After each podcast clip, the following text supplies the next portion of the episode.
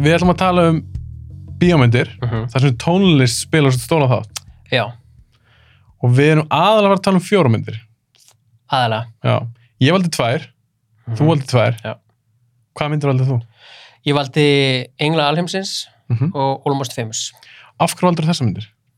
Sko, þetta var erfitt val. Já. Þú veist, það er alveg bara þegar þessi umræða kom upp hjá okkur, þá, þú veist, var svo mikið. Það er svo Mhm. ofbúslega mikið og ég kem kannski inn á það eftir, þú veist, Já. ræðum kannski myndina sem ég hugsaði um og svona Algjörlega. hefði verið. Já.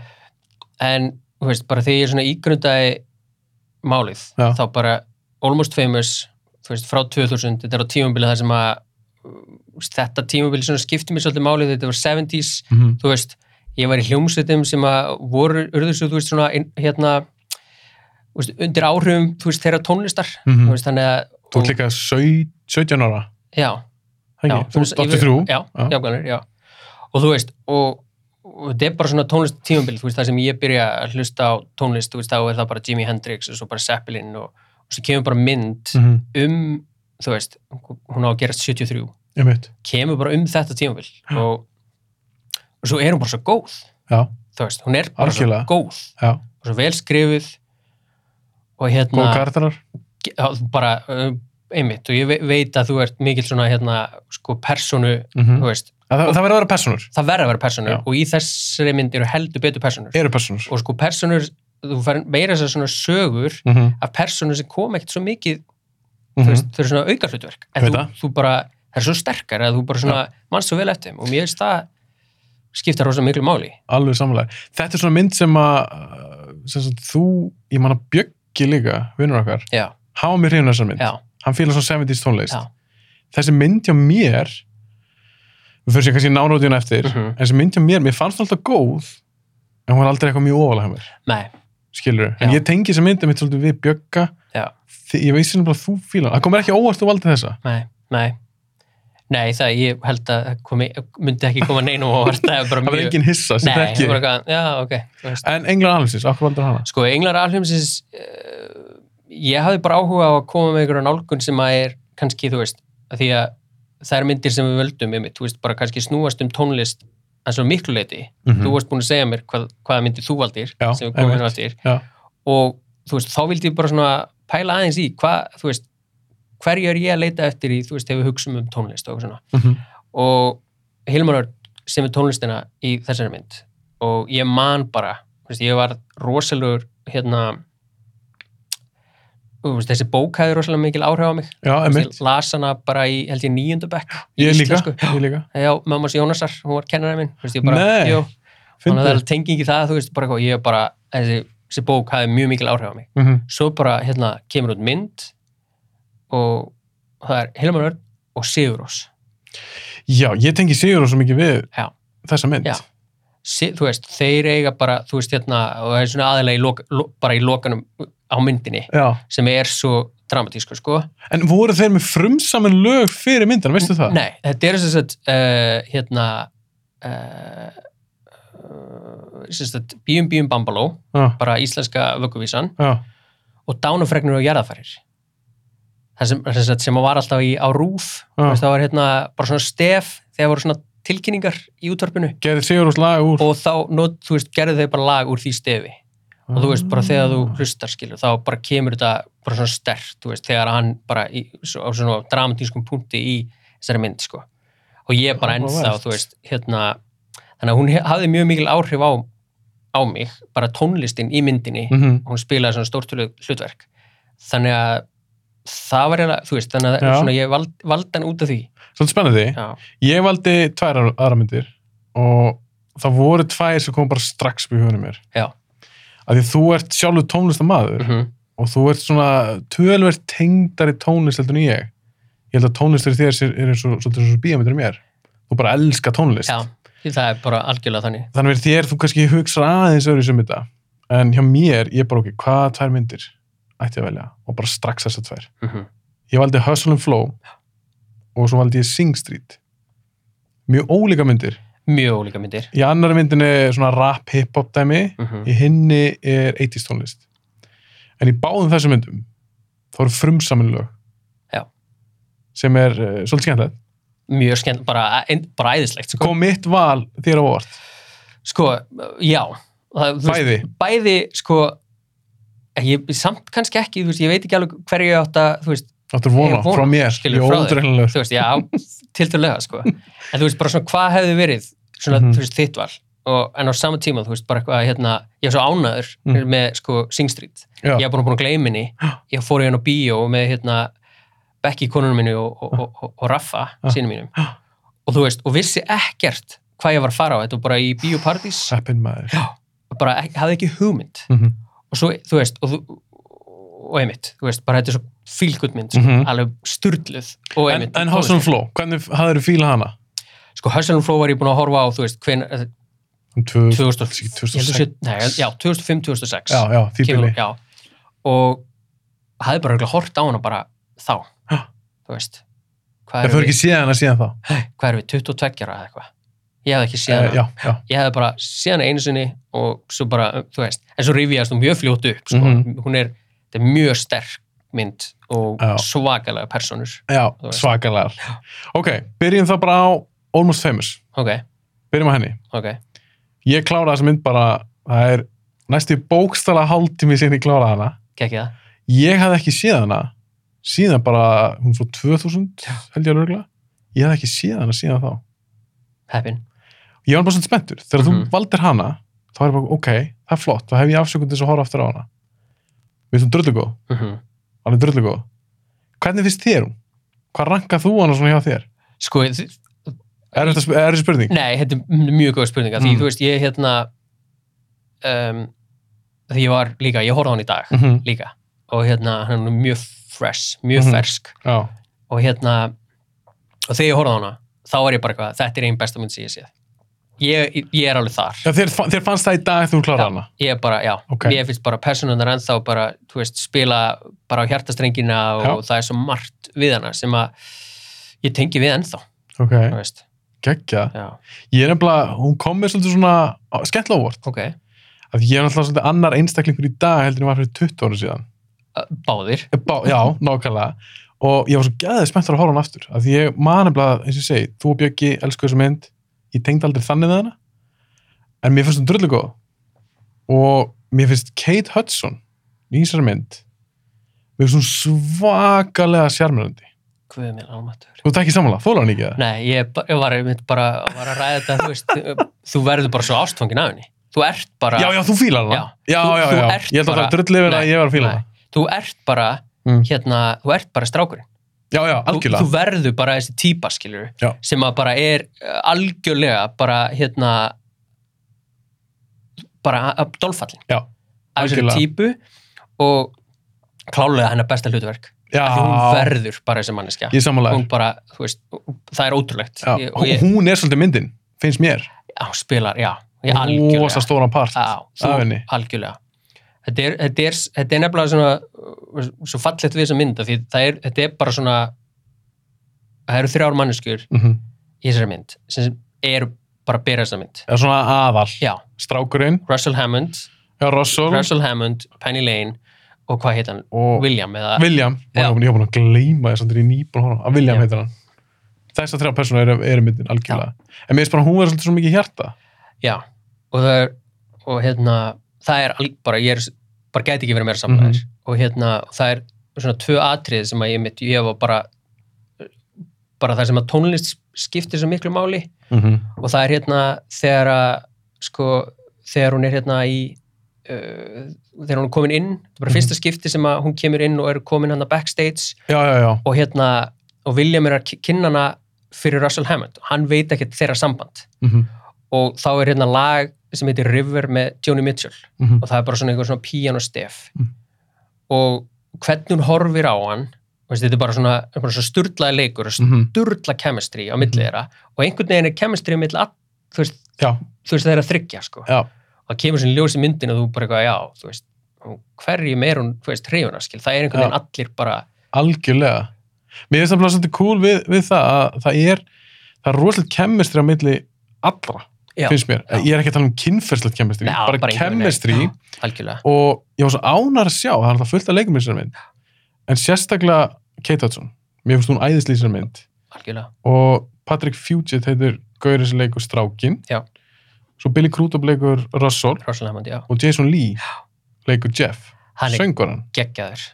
hann er geggjar og mér finnst ógeðslega cool að sjá Jason Lee og Billy Crudup mér fannst þeir, ég þekki ekkit svakalega mikið 70s Nei, en mér fannst bara útlitið þeirra mér fannst þeir bara smelt passaðan inn ertu sammála því að það? bara 100%. Þetta er, þú veist, að því, þetta er líka, því þetta er svona fest í minni, sko, þú veist, þeir tala um hérna, þú veist, þetta er svona rifrildi, sko, Mhm. og sem var alveg og hefur alveg verið í hljómsutum, það þekki það bara hver maður sem hefur verið í hljómsuti eða, þú veist, þekki til, að það er Mhm. alltaf svona, eitthvað rígur er svona eða bara svona chemistry sem stundum, Mhm. þú veist, bara stundum er on fire, skilur og stundum verður til tension, sko. já, einmitt og hérna en í þessu þá spila er akkurat þetta svo rosalega vel Já. og þú veist bara svona smá öfundsíki þegar að Ah. Mhm. einhver er að fá meiri aðtikli og þú veist og hérna og þeir eru búin að ákveða hvernig bandi á að vera Mhm. þú veist hérna, hérna I am the lead singer like, og hérna and ég you're- er frontmaðurinn já, ég er frontmaðurinn og þú ert the guitarist with Mystique Já. þú veist, og, tal, og, og nefnir, nefnir svona nokkra þú veist, svona pointa skilur sem að er hluti sem að hann er að meina að séu eins og hérna bara page og plant og Mhm. svona þú Mick Jagger og, og Keith Richards, já, einmitt. algjörlega Það er sem, þannig að þú, s- þú veist, og það er svo vel skrifa hjá Cameron Crowe, Mhm. einhvern veginn bara svona þú tengir við það, ah, já, þú þekkir, algjörlega þe þú þekkir þetta chemistry já, já, milli já, þessara manna. alg- algjörlega en mér finnst það ógeðslega töf já, það, er- og það, ég er svo sammálaður eins og við segir, þú veist, það er chemistry og það er svo rosalega stærst og mill, milli, þú veist, fleiri, skilur já, algjörlega Philip Seymour Hoffman og hérna, Ah, geggjaður. hann er stu, bara, hann- þetta er Æ, já. þetta er svo bara, það er bara æðislu leikari bara yfir höfuð, yfir höfuð, óttur ah. bara Já.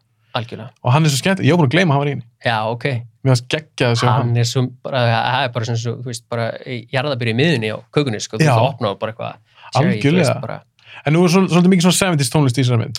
Já. Og það er eitthvað stóra ástæð fyrir þú valdir þess. Er, er það svona uppáðs tónlistin þín? Myndur þú segja það? nei, þú veist eh, sko, það var það, Já. alveg svakalega stert Já. en svona eh, þú veist, með aldrinum, þú veist, þá bara einhvern veginn er ég svona alæta á bara tónlist Ok. það er ótrúlega skríti hvernig maður bara svona þróast í að vera opinn fyrir, þú veist svo miklu meira en ég hef svona rosalega tengingu í þetta 70s -hmm.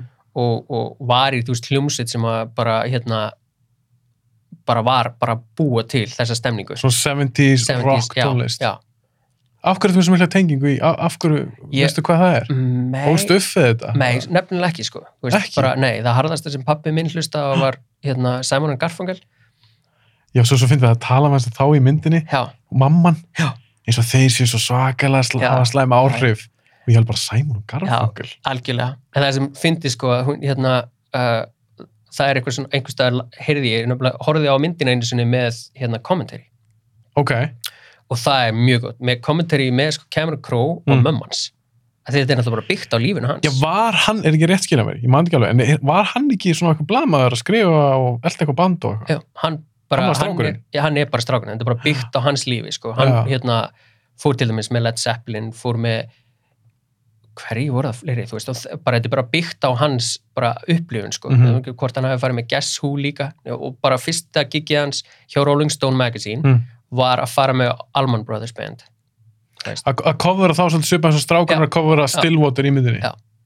það er trillt og maður. þú veist, og mamma hans er bara, þú veist, Frances Mamman. McDormand það er bara, já, hún er bara hún, sem sagt, hún laði sem hitt svona trivia þú veist, hún, sem sagt, mammas kom í heimsókn á hérna settið, Mhm. þú veist og, og hann var svona að reyna að halda sem sagt, Frances McDormand, þú veist, frá mömmu sinni þannig að hún myndi ekki svona gleypa að því hún vissaleg, þú veist, að þetta væri sem sagt, sú sem hún var að leika djúlega það fyndi maður og hann var svona að reyna að halda þeim frá þú Já. veist, svo fór hann í burtu í tíu myndur og þá, svo voru þær að borða lönns, þú veist, hátdeismat saman og ná, veistu hvort það þarf að ná þeir saman já, mjög vel saman sko. Jú, Þá það var erum, ógeðslega þú veist, fyndið. þannig að það var svona, var svona skemmtileg trivja varandi þessi mynd og ef maður horfir á hann einmitt og með þessu auga sko, þá, þú veist, það var svona margt sem að hann einmitt, er bara, eins og Russell Hammond þú veist, hann er bara hérna, byður á Glenn Fry Mm. mm. gítalegari Eagles nei, Jú, það er svo gana að heyra eitthvað svona tónlista trivja frá þér, því ég, ég bara þekki þetta ekki nei, að ég var bara, þú veist ég, bara eins og ég segi, bara sökti mér á þessum tíma og Mhm. bara svona og núna aftur þá var ég bara svona, þú veist, bara að muna svo mikið sko en það er annað sko, þú veist, og svo er einnum bara svona einnum mínum uppáhalds tónlistamönnum Mm. hann heitir hérna Mark Kotelek og bara í hérna hljómsveitum eins og Red House Painters og Sun Kill Moon Mm. og hann er sem sagt ég held að hann heiti Larry í myndinni og hann bassalegarinn í Stillwater Já, betur, hann leikur í myndinni? já, Nei, Já. það er geggja. það er geggjað sko Þannig að hann er inn í tónlistamæður frekar en leikari. Eða hefur hann leikið Já, í nei, mörg öðra? já, sko ég held, þeir- bara hann og Cameron Crowe eru vinir held ég já. bara og Ah. þú veist, hann hefur kannski leikið í einhverjum svona flerum með Cameron Crowe Þú veist, alveg eins og, alveg eins og sko, Cameron Crowe fær bara leikara þú veist, eða, hérna, tónlistamenn bara í þú veist, myndir bara hérna eins og hérna, heldur sé eh, Bíddu, eitthvað Jerry Maguire? nei, já, þú veist, Jerry Cantrell já, þú veist, sem er gítarleikari í Alice in Chains, Ah. hann er í Jerry Maguire og í, Sing- þú veist, þú segir í Singles og þeir eru í fleiri, hvort þeir séu Vanilla Sky líka eða eitthvað, sko, Fyndið. bara Mér vinur hans finnst það líka svolítið gaman uh, við þessa mynd. Mér finnst það skín í gegn. Að ég mynd, ok, þetta var svolítið í hausnum að mér að Cameron Crowe hefði verið svona svo strákurinn. Það var svolítið byggt á hans ævi. mm -hmm. En ég myndi það ekki alveg. En mér finnst það samt einhvern veginn skín í gegn.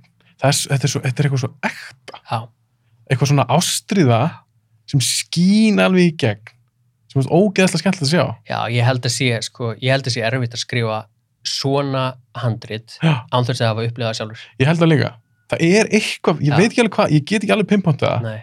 en það er líka bara einhvern veginn öll smáatri, samskiptin eins og þú talar um eitthvað ég, er lí- ég er frontmaður en þú ert til Já. þessi allt þetta, þetta vir- virkar eitthvað svo ekta grúpiðunar, allt það byggðar á sko, þú veist, manneskjum sem að hann þú veist, hefur hitt, já, það er bara þannig M- mér finnst ég sjá það einhvern veginn, maður Algjörlega. finnur það algjörlega, En uh, hvernig finnst þeir hafa, þeir hafa náð að fanga svona 70s feelingin, væpið í þessari mynd? sko, fyrir mína parta bara, þú veist, 100% sko Ok, ég var bara, í- þú veist, þessi, bara seldur sko, þú ok. veist, það er svo margt það er útrúlega fyndið sko, það er svona hérna, uh, Jason Lee segir við uh, sem sagt, Billy Crudup, þú veist, hérna uh, já, Jeff Beebe segir við Mhm, Russell Hammond, þú veist, your looks have become a problem mhm, og það er svona, fyndið að því, þú veist, hann er svona mest sko uh, svona vennulega klættur, bara í einhverju skýrtu og svona gallabuxum sko, Já, meðan Jeff Beebe er að reyna að vera, þú veist, það er svona cool. er rock skilur, Já, en hinn bara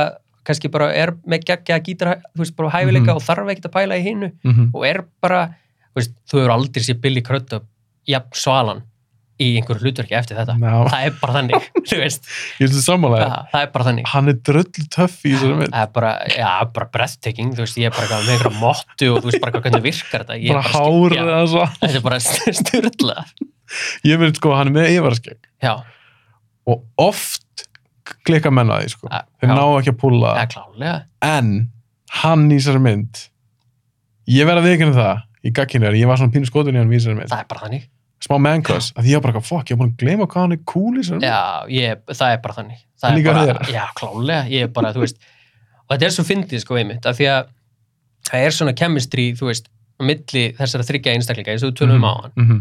þú veist, og það er, er bara þessi, þessi, þessi aðdán já, og þú verður bara aðdándi Russell Hammond já, Af því já, hann er svo klálega. og þú veist, og hann einhvern veginn nær, þú veist, og Penny Lane er hans og þá Já. ert þú náttúrulega bara, tekur þú bara hattin hófa fyrir honum, skilja, já. þetta Það er er ótrúð hvað hann er að skapa Já. skemmtlan kæra þér sko það er alveg svakalega gott, sko. en þegar þú horfður á svona mynd Já.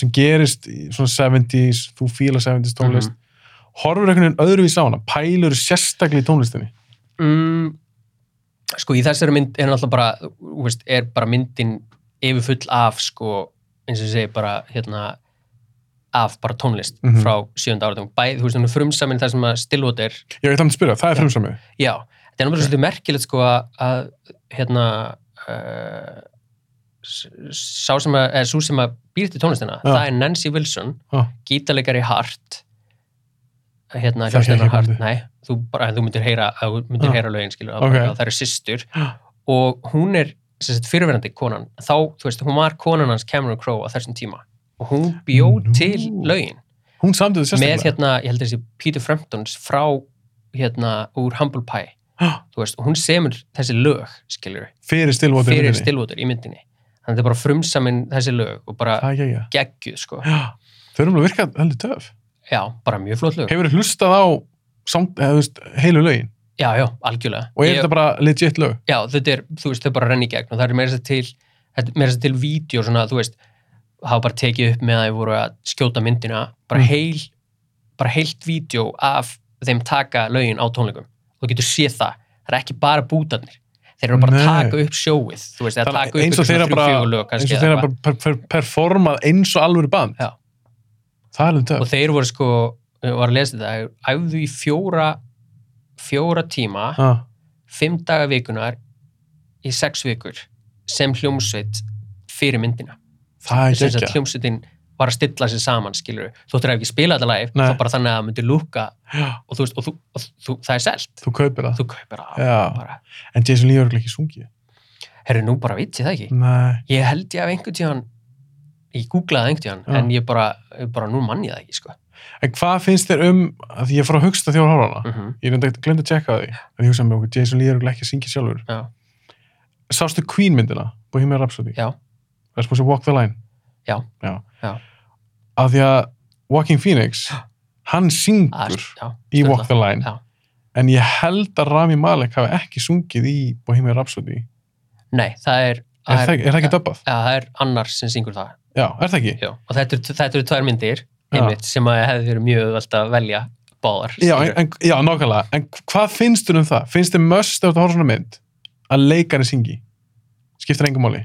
sko, ég held að sé ég veist, ef hann getur leikið það Já. það vel, skilur við að, að þú tekur ekki eftir því, ef þetta er þannig þú veist, og svo er einhver svona þeir sem eru að vinna, ég er búin að heyra það ég meina bæði fyrir núna eins og hérna þú veist, Eurovision myndir og eitthvað annað Mm -hmm. þú veist, þá er bara sem sagt, er einhver tækni notuð þar sem að þú notar sem sagt, einhvern, eitthvað af röddinni og blandar henni við þú veist, betri rödd Er þið farið að gera það? Já, þú veist, þannig að þá, þú veist, þá er Shit. sem einhver hljóm, skilur í, einhver tón í röddinni sem að þú, þú veist, sem að þú þekkir, sem Já. bara, já, þetta er hún að syngja.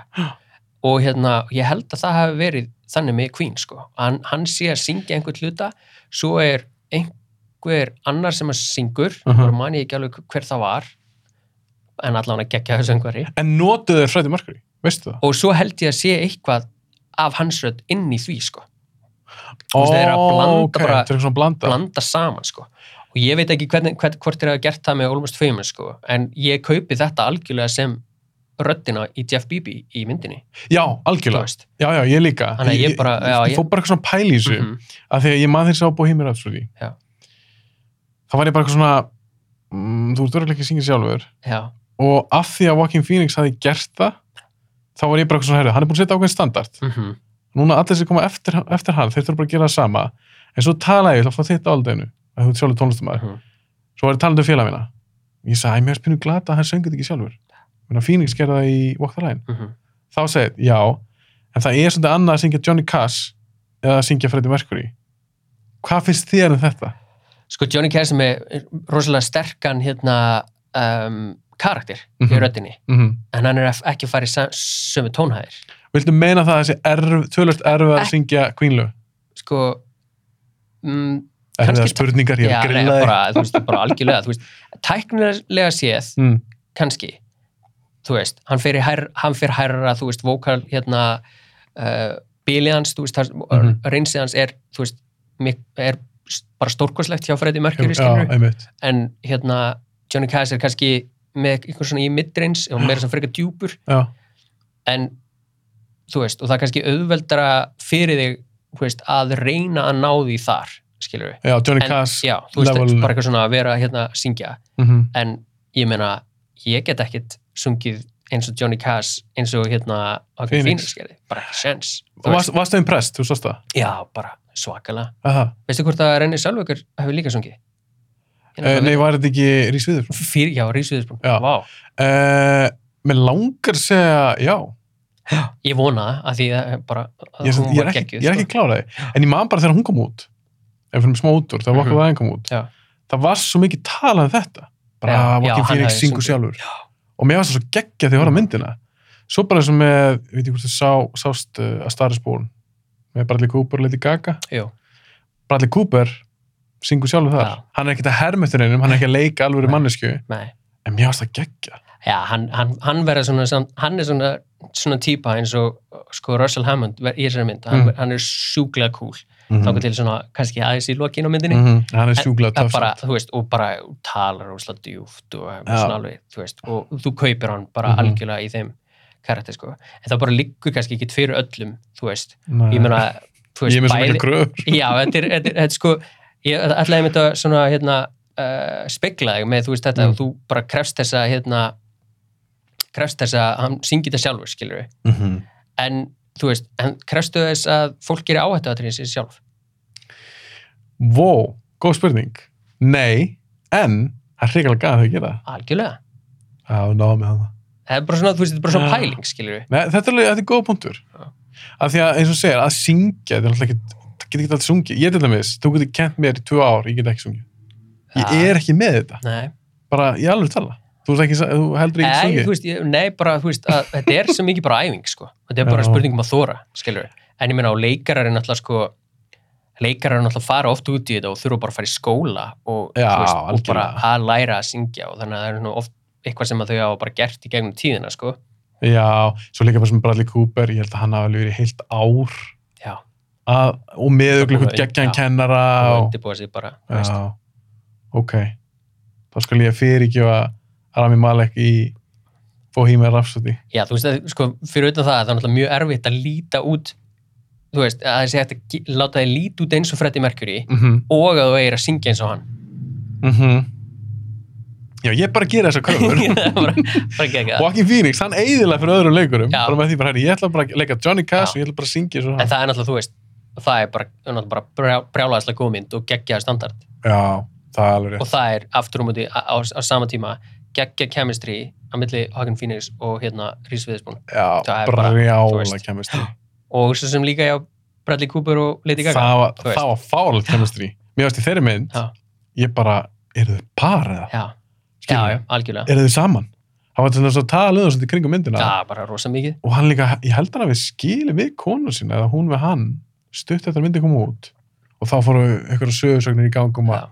hann hefur verið að halda fram hjá með Lady Gaga ég er reyndar, trú því ekkert en það var rosalega kemist það er alveg svona, já, algjörlega svakalega og þú veist, og það er það sem að hérna, mitt, og það er það sem að þú veist, Almost Famous er Mhm. með og það er svolítið, mér finnst svolítið magna að þetta sé 20 ára gömur mynd ég veit ekki af hverju mér finnst það já, en ég var alveg bara svona, já, vó, þú veist, hún er, hún er 20 ára við ætlum að tala um Sýst, Almost Famous, já, já. einmitt og mér finnst það, þú veist, og þau, að því, það þýðir að þau eru svo ung þú veist, Kate Hudson er svo svakalega ung ég tjekka á því, já, 21 hún er 21 já, og hérna Patrick, 18, þú veist Mm. mjög ung sko bara, og við, bara, emitt, þú veist, og að, hérna, við erum áttið það gamlir, þetta Já. að við gætum átt karakterina í Almost Famous, Já. fattur já, já Það er Við bara erum 37 ára. Æ, come on, ég- barnið mitt er að verða 17 á þessari. Hann er Nákvæmlega, bara, hann er á sama aldri. ég er að segja það og við höfum þurft að vera svolítið ungi kannski, Já, já, en það er alveg hægt, skilur. algjörlega. Það er svolítið klikka þegar maður horfir á myndina. Já, það er þannig, sko. Bara hún er svo geðveitt ung. Þannig að maður ætti frekar kannski að vera að tengja við Frances McDormand, en Já, þú veist, já, við, við Já. erum mjög næra henni Já, aldrei. það En er mér var, bara þannig. hvernig veist hún í myndinni? Mér finnst þú geggju. Mér Já. finnst þú náttúrulega bara geggju leikuna. Æðislega. En sko, í þessu þá bara, þú veist, hún bara, hún bara verður þessi karakter og þú trúin, þú veist, og bara byrjunar aðtrið þar sem að Zoe Deschanel, þú veist, er Mhm. dóttir hennar, þú veist, og bara eitthvað svona, og hún er, hún er svona svolítið hérna, bara svolítið rebel, þú veist, Mhm. eitthvað svona, mjög, mjög fyndið var örgulega búið til einhver svona sojaborgara Mhm. eða eitthvað svona, þú veist, og, og sem var svona alltaf á móti öllu að reyna Mhm. að vera ekki svona corporate Já, og hún bara nær þeim karakter, Já. þú veist, 100% og, hún er góð í henni, Já, líka. En Frances McDormand, mér finnst hún æðislýsar mynd. Og ég líka bara keift hann 100% sem einhver svona strángamömmu, sem bara hugsa um barnið sitt, vill, vill ekki að fara í dóp eða eitthvað svona rögl Já. ég skild alveg hennar áhyggjur þegar William, strákunarna, fer að túra með þessu liði að þetta rockstjörnu líf hvað feistur um það? finnst þetta spennandi? sko, málið er náttúrulega að þú veist að, að hérna þú veist, hérna túrlífið, þú veist, Mhm. þetta er bara þetta er, lítur þetta út fyrir að vera glamúr skilur og þú veist, bara og, og getur alveg verið það í einhver Mhm. mm. tíumbíl svo tala náttúrulega líka margir og þeir sem hafa upplegað skilur þetta sé bara svona Groundhog Day Já.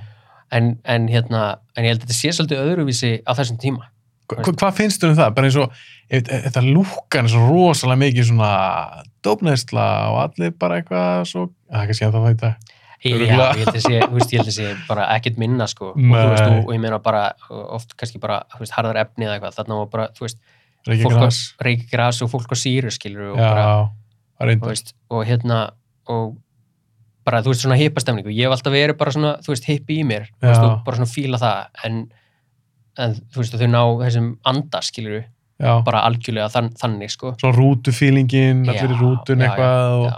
taka lægið Já. og svona. og þú veist, ég meina, það er náttúrulega eitt af besta atriðinum er einmitt, hérna, þú veist, þegar að Russell Hammond er, fer í partí, þeir eru búin að rífast bandi er hætt Mhm. og hérna og bara fer, þú veist, fer já, bara, dre- upp á þak já, grípur einhvern bolla sem að, þú veist, hérna það er síra í rauða, rauða þú veist, bollanum bara en mér finnst það að vera æstar í bollan eftir að, að því að strákun segir er það síra henni í bollan sem eru rauðir eða Já, eitthvað hann rýfur hann bollan af Já. honum og drekkur hann, Já, vill hann bara spenntari. já, já, klálega já, svo stekkur hann á þakinu og eitthvað En það er útrúlega að fyndi sko, að því að þú veist, ef þú hlustar á svona commentaries Mhm. og hérna, eða, ég man ekki hvar, hvar þetta var, einhver svona trivia, að þá segir hann, þú veist, hérna, I'm a golden god. já, já, Og þetta er Robert Plant.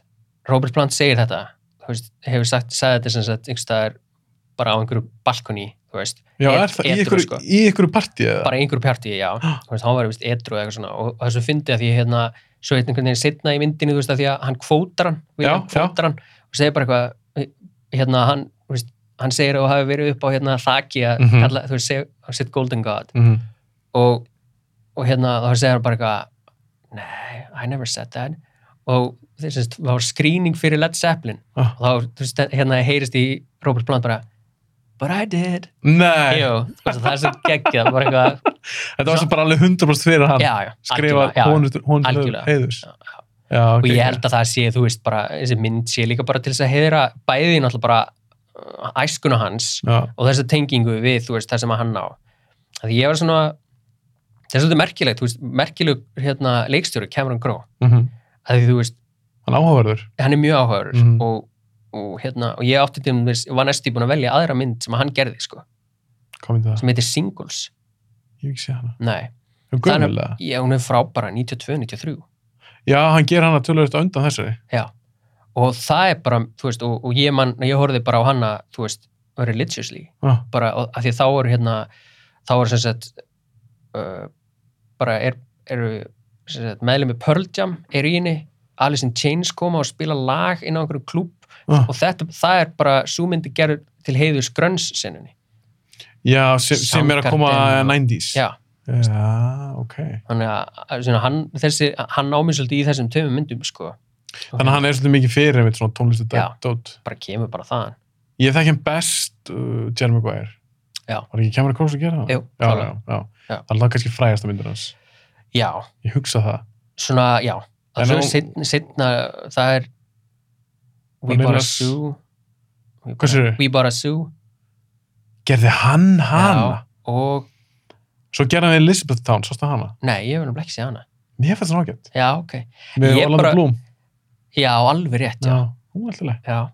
ég er Þú nefnilega bara sagðir- hrifun af honum svo, veist, hann, er, hann gerði líka hérna, hvað heitir myndi með John Cusack hérna, með útastækið, Uh, say anything. segja anything, hann gerði hana Það er Cameron Crowe. Já. Alveg rétt. Hann gerir rosalega mannlega myndir. Já.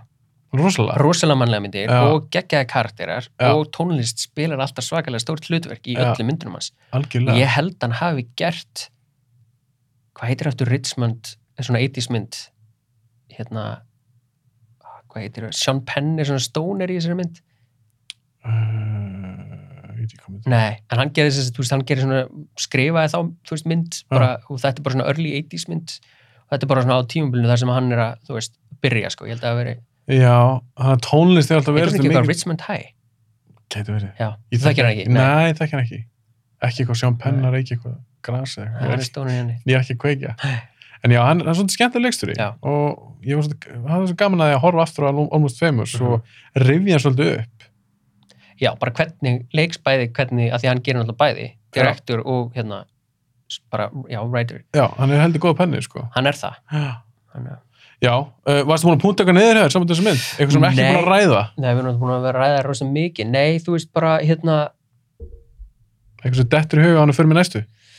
Mm. nei, þú veist, við erum búin að tala svo mikið um hana og hérna, þú veist, og það er bara svona og bara svolítið gaman að skoða trivja um Mhm. hana og fara svona, þú veist, dýbra í hana ef þú hefur áhuga, en þá er fullt að sögu þarna í kring, skilur Já, það er ekki ekki maður. og svona bara, þú veist, og, og, og bara svona e- eitthvað, bara svona nokkri hluti, þú veist, eins og í byrjun þá Mhm. þú veist, horfir á hana og hérna og það er svona fullt af einhverju svona stage pass og alls konar svona munir og þetta eru bara munir þú veist, frá honum, Já. persónulegir og þegar hann, þannig að litli strákurinn litli vilja mér að skoða plöturnar já, þá er þetta, þú veist, plöturnar hans þú veist, hann, Já. bara svona enga, þú veist, eigu það er og eitthvað geðið svona, já, hann er bara hardcore fan já eitt ánum fyrir mér næstu mynd, mm mm -hmm. uppáðsatriðið mitt í Jónlust Femars Já. það er flugilatriði geggja vel skrifað já, það er gott atriði Þetta er bara skólabókudæmi um gott uppbyggt atriði Já. það er húmor í því en það er líka að því einn gæinn við ekki bara, "Herri, ég kerði einu svona einn mann já, það er alveg fyrir eitthvað dark Jimmy Fallon já, leikur hann geggjað, ge- á geggjaður í þessu Já, hlutverki, sko að já, því mann er Jimmy Fallon er ágætis leikur já, algjörlega, og ég bara, ha, Jimmy Fallon í svona mynd Kaup, Maður- kaupir hann þar þú alveg. tengir hann bara sem einhvern svona talkshow Já, já. einhvern svona host í dag Já. fýll leikari Já. og hann ógæst að sjá hann hann er líka svona með einhver gleru svona skríti hár eitthvað já, einhverjum liði eitthvað já, en það er ógæst að finna hann hann segir já, ég gerði það mann, allir að viðaukina eitthvað Já. í fluginu, algjörlega haldur sér að fara að krassa og eitt bara í lokins í aðrinu segir I'm gay já, og þá bara svona hættir Já. uh, allt turbulensið í loftinu og þeir eru ekkert að fara að krassa Nei, Bara en það er svona líka þögn í vilni eina sem að þessi maður segir í allir myndinu já, emmitt, hann, var er bara, það ekki? jú, hann er bara silent allar myndina, bara trommarinn segir ekki neitt hann talar ekki neitt og svo er ein setning og það er Já. þessi en það er svona að því, að því nöfnir þetta veist, og það er svona ef að uh, sko, Cameron Crowe uppáhaldsatriði í myndinni og það er þegar að Penny Lane er að dansa eftir tónleikana mm í hérna, á dansskólinu eða svona á gólfinu bara, mannst þetta er þess atriði hún er bara einhvern veginn svona með fullt að það er svona drastli og eitthvað svona og er bara að dansa er hún það er berbrústa? Cat, nei, það er Það bara er Cat ekki það. Stevens bara lag, hún er bara á hérna venjúinu Já, það er geggjatriði en ég held að uppáhaldsatriði mitt, að Já. ég var svona að hugsa um það já, er þegar að Penny Lane er að kveðja William já, og hún er svona í hérna, í flugvelni, Mhm. hann er á flugvelnum eitthvað svona og er að hlaupa og þá s- svona, svona, sjáur í augunum á henni að það svona skiptist kannski, þú veist, að hún verður alltaf hrifin af, já, já, já, já. þú veist að Mhm. kannski er þeirra kemistri eitthvað sem að skiptir hana meira máli en, þú veist, og rockstundur lífið skilur, já, já, en þetta er svolítið áhugavert að því að, þú veist, sem, að því það kallast sem band-aids mm að þú veist, að þær eru bara svo svakalegir tónlistar unnandur. en er þetta eitthvað þekkt, veistu það? Band-Aids. já, Sem sagt ekki, þær kölluðu sér vist eitthvað annað sem að þessir hérna, þessir farið eftir, sko. en kallur þessi ekki grúpís Nei, að því að grúpus var orðið neikvægt, sko. já, þannig að þær eru í alvörni aðdándu tónlistarinnar Já. já, já, já, Kemur, bara kemur bara einmitt í fyrstu, fyrstu, þú veist, í myndinni, skilur, að þær, þær eru að gera þetta fyrir tónlistina, þú veist. Þær eru, já, ég skil því þetta er Nei. ekki bara svona elta eitthvað sætastráka og Nei. fræga nei, ok, eigum við að fara í næstu mynd það er algjörlega. ok, það tökum engla, engla alheimsins mér finnst mjög áhverð að þú skilur velja hana Mm -hmm. ég því miður bara fann ekki þessa mynd Nei, ég hún leita er, þessu í gat og ég kannski geta að fara í kólaportu og leita eitthvað DFD-disk en ég gerði það reyndar- reyndar ekki hún var ekki á iTunes, ekki á neinum streymisveitum, ég gæti ekki leikt hana síndi stuttum marður ekki eins og bjóða upp á hana svo þetta er leiðilegt stundu hvað er það að nálgast íslenska myndir já, þú, en já, þú horfður á hana já, ég horfði á hana. hvernig fannst þér að horfa á hana aftur? Sko, þetta er svolítið fyndið að því að ég horfði á hana sest, í beit, þú veist, við horfðum sko, ég og bróðum minn, Mhm. Egil, horfðum á Sing Street Mm Mhm. og svo Engla Alheimsins, back to back, back to back. ok hvernig, það, hvernig var það? það var bara smá erfitt, að hvað leiti? sko, ég getur líka bara, já, þú veist, að, að því að, eins og við fyrir kannski betur á eftir, þú veist, Mhm. að, að Sing Street er svo happy. hún er svo feel bara good Geggjað feel good, sko. Mm, ekki Englar Alheimsins er það ekki, nei, en, þú veist, þingri, tölverst mjög þung já, Mm. og bara svona, þú veist, það var svona, maður var bara svona slegin niður, sko. já, og hún hefur alveg sömu áhrif, hafði alveg sömu áhrif á mig núna í dag mjög langt síðan ég sá hana síðast sko. Og hvernig finnst þér svo tónlistin svona? Þetta er bara búið að eldast vel og bara flott. já sko, í englum alheimsins þá náttúrulega er bara hérna, svona, bara skorið það, Mhm. mm -hmm. það er Hilmaröð Mm sem, sem er það og hérna og Fredrik Þór Já. hérna uh, Leggstýri. leikstyrur og Einar Már er það ekki? Sem Sem að... að- Einar Már, já þetta er bara byggt á hérna Hann skrifaði bókina, já, ekki? skrifaði bókina Já. en allavega, hérna, já, þú veist sem sagt, og Hilmar Örn semur tónlistina Já. og það kemur bara svona strax hún er, tónlistin skiptir rosalega miklu máli í þessari mynd, af því að hún er svona það er svona gítarklokk sem er svona og það er svona angurvært, ekki sorglegt sko, Mhm. en svo kemur alltaf svona koma svona strengir sko. Já. og, og hún hefur svo mikil áhrif að því að uh, aftur erum við konur í sko, samband milli manns og konu mhm, þú veist, og, og, og, og fyndið ef við tengjum myndina líka saman á eftir sko, mhm, að hérna að, þú veist, að, sem sagt, að, að þegar að það gerist Mm. að, í englum alheimsins að, sem sagt, að hún hætti með honum mhm. þá fyrir tónlistin að verða svona um, bara við segja það bara geðveikari það er svo cool maður þú veist og þú bara finnur fyrir því þú veist Ah. það er svona eh, tónar sem að dragast svona niður og þú bara svona ferði inn í eitthvað svona Verður svona þyngri einhvern já, veginn. þú veist, dregur, þú veist, heldur bara einhverjum tóni og svo slætar hann bara svona niður eins og það sé eitthvað svona að fara að krassa sko og þá er hann alltaf bara hann þú veist, bara, þetta er ekkert eitthvað svona þetta er svona subtle skilur Já, en, en ég fæ þá bara á tilfinninguna þú veist, bara svona horfa á einhverju svona hlusta á einhverju svona strengi, kannski svona, bara svona fallega yfir eitthvað svona, aha, svo kemur eitthvað svona moment þar sem hann er náttúrulega bara að styrlast já, einmitt og þar hefur bara þessi mynd þú veist, eða sem sagt, og þetta skor bara áhrif á mig, bara svona líkamlega ég verð bara svona, já, þú finnur alveg vel fyrir Já. þessu hvernig tónlistin spilar svona stóna þátt já í algjörlega, bara hvernig honum líður Já. svolítið.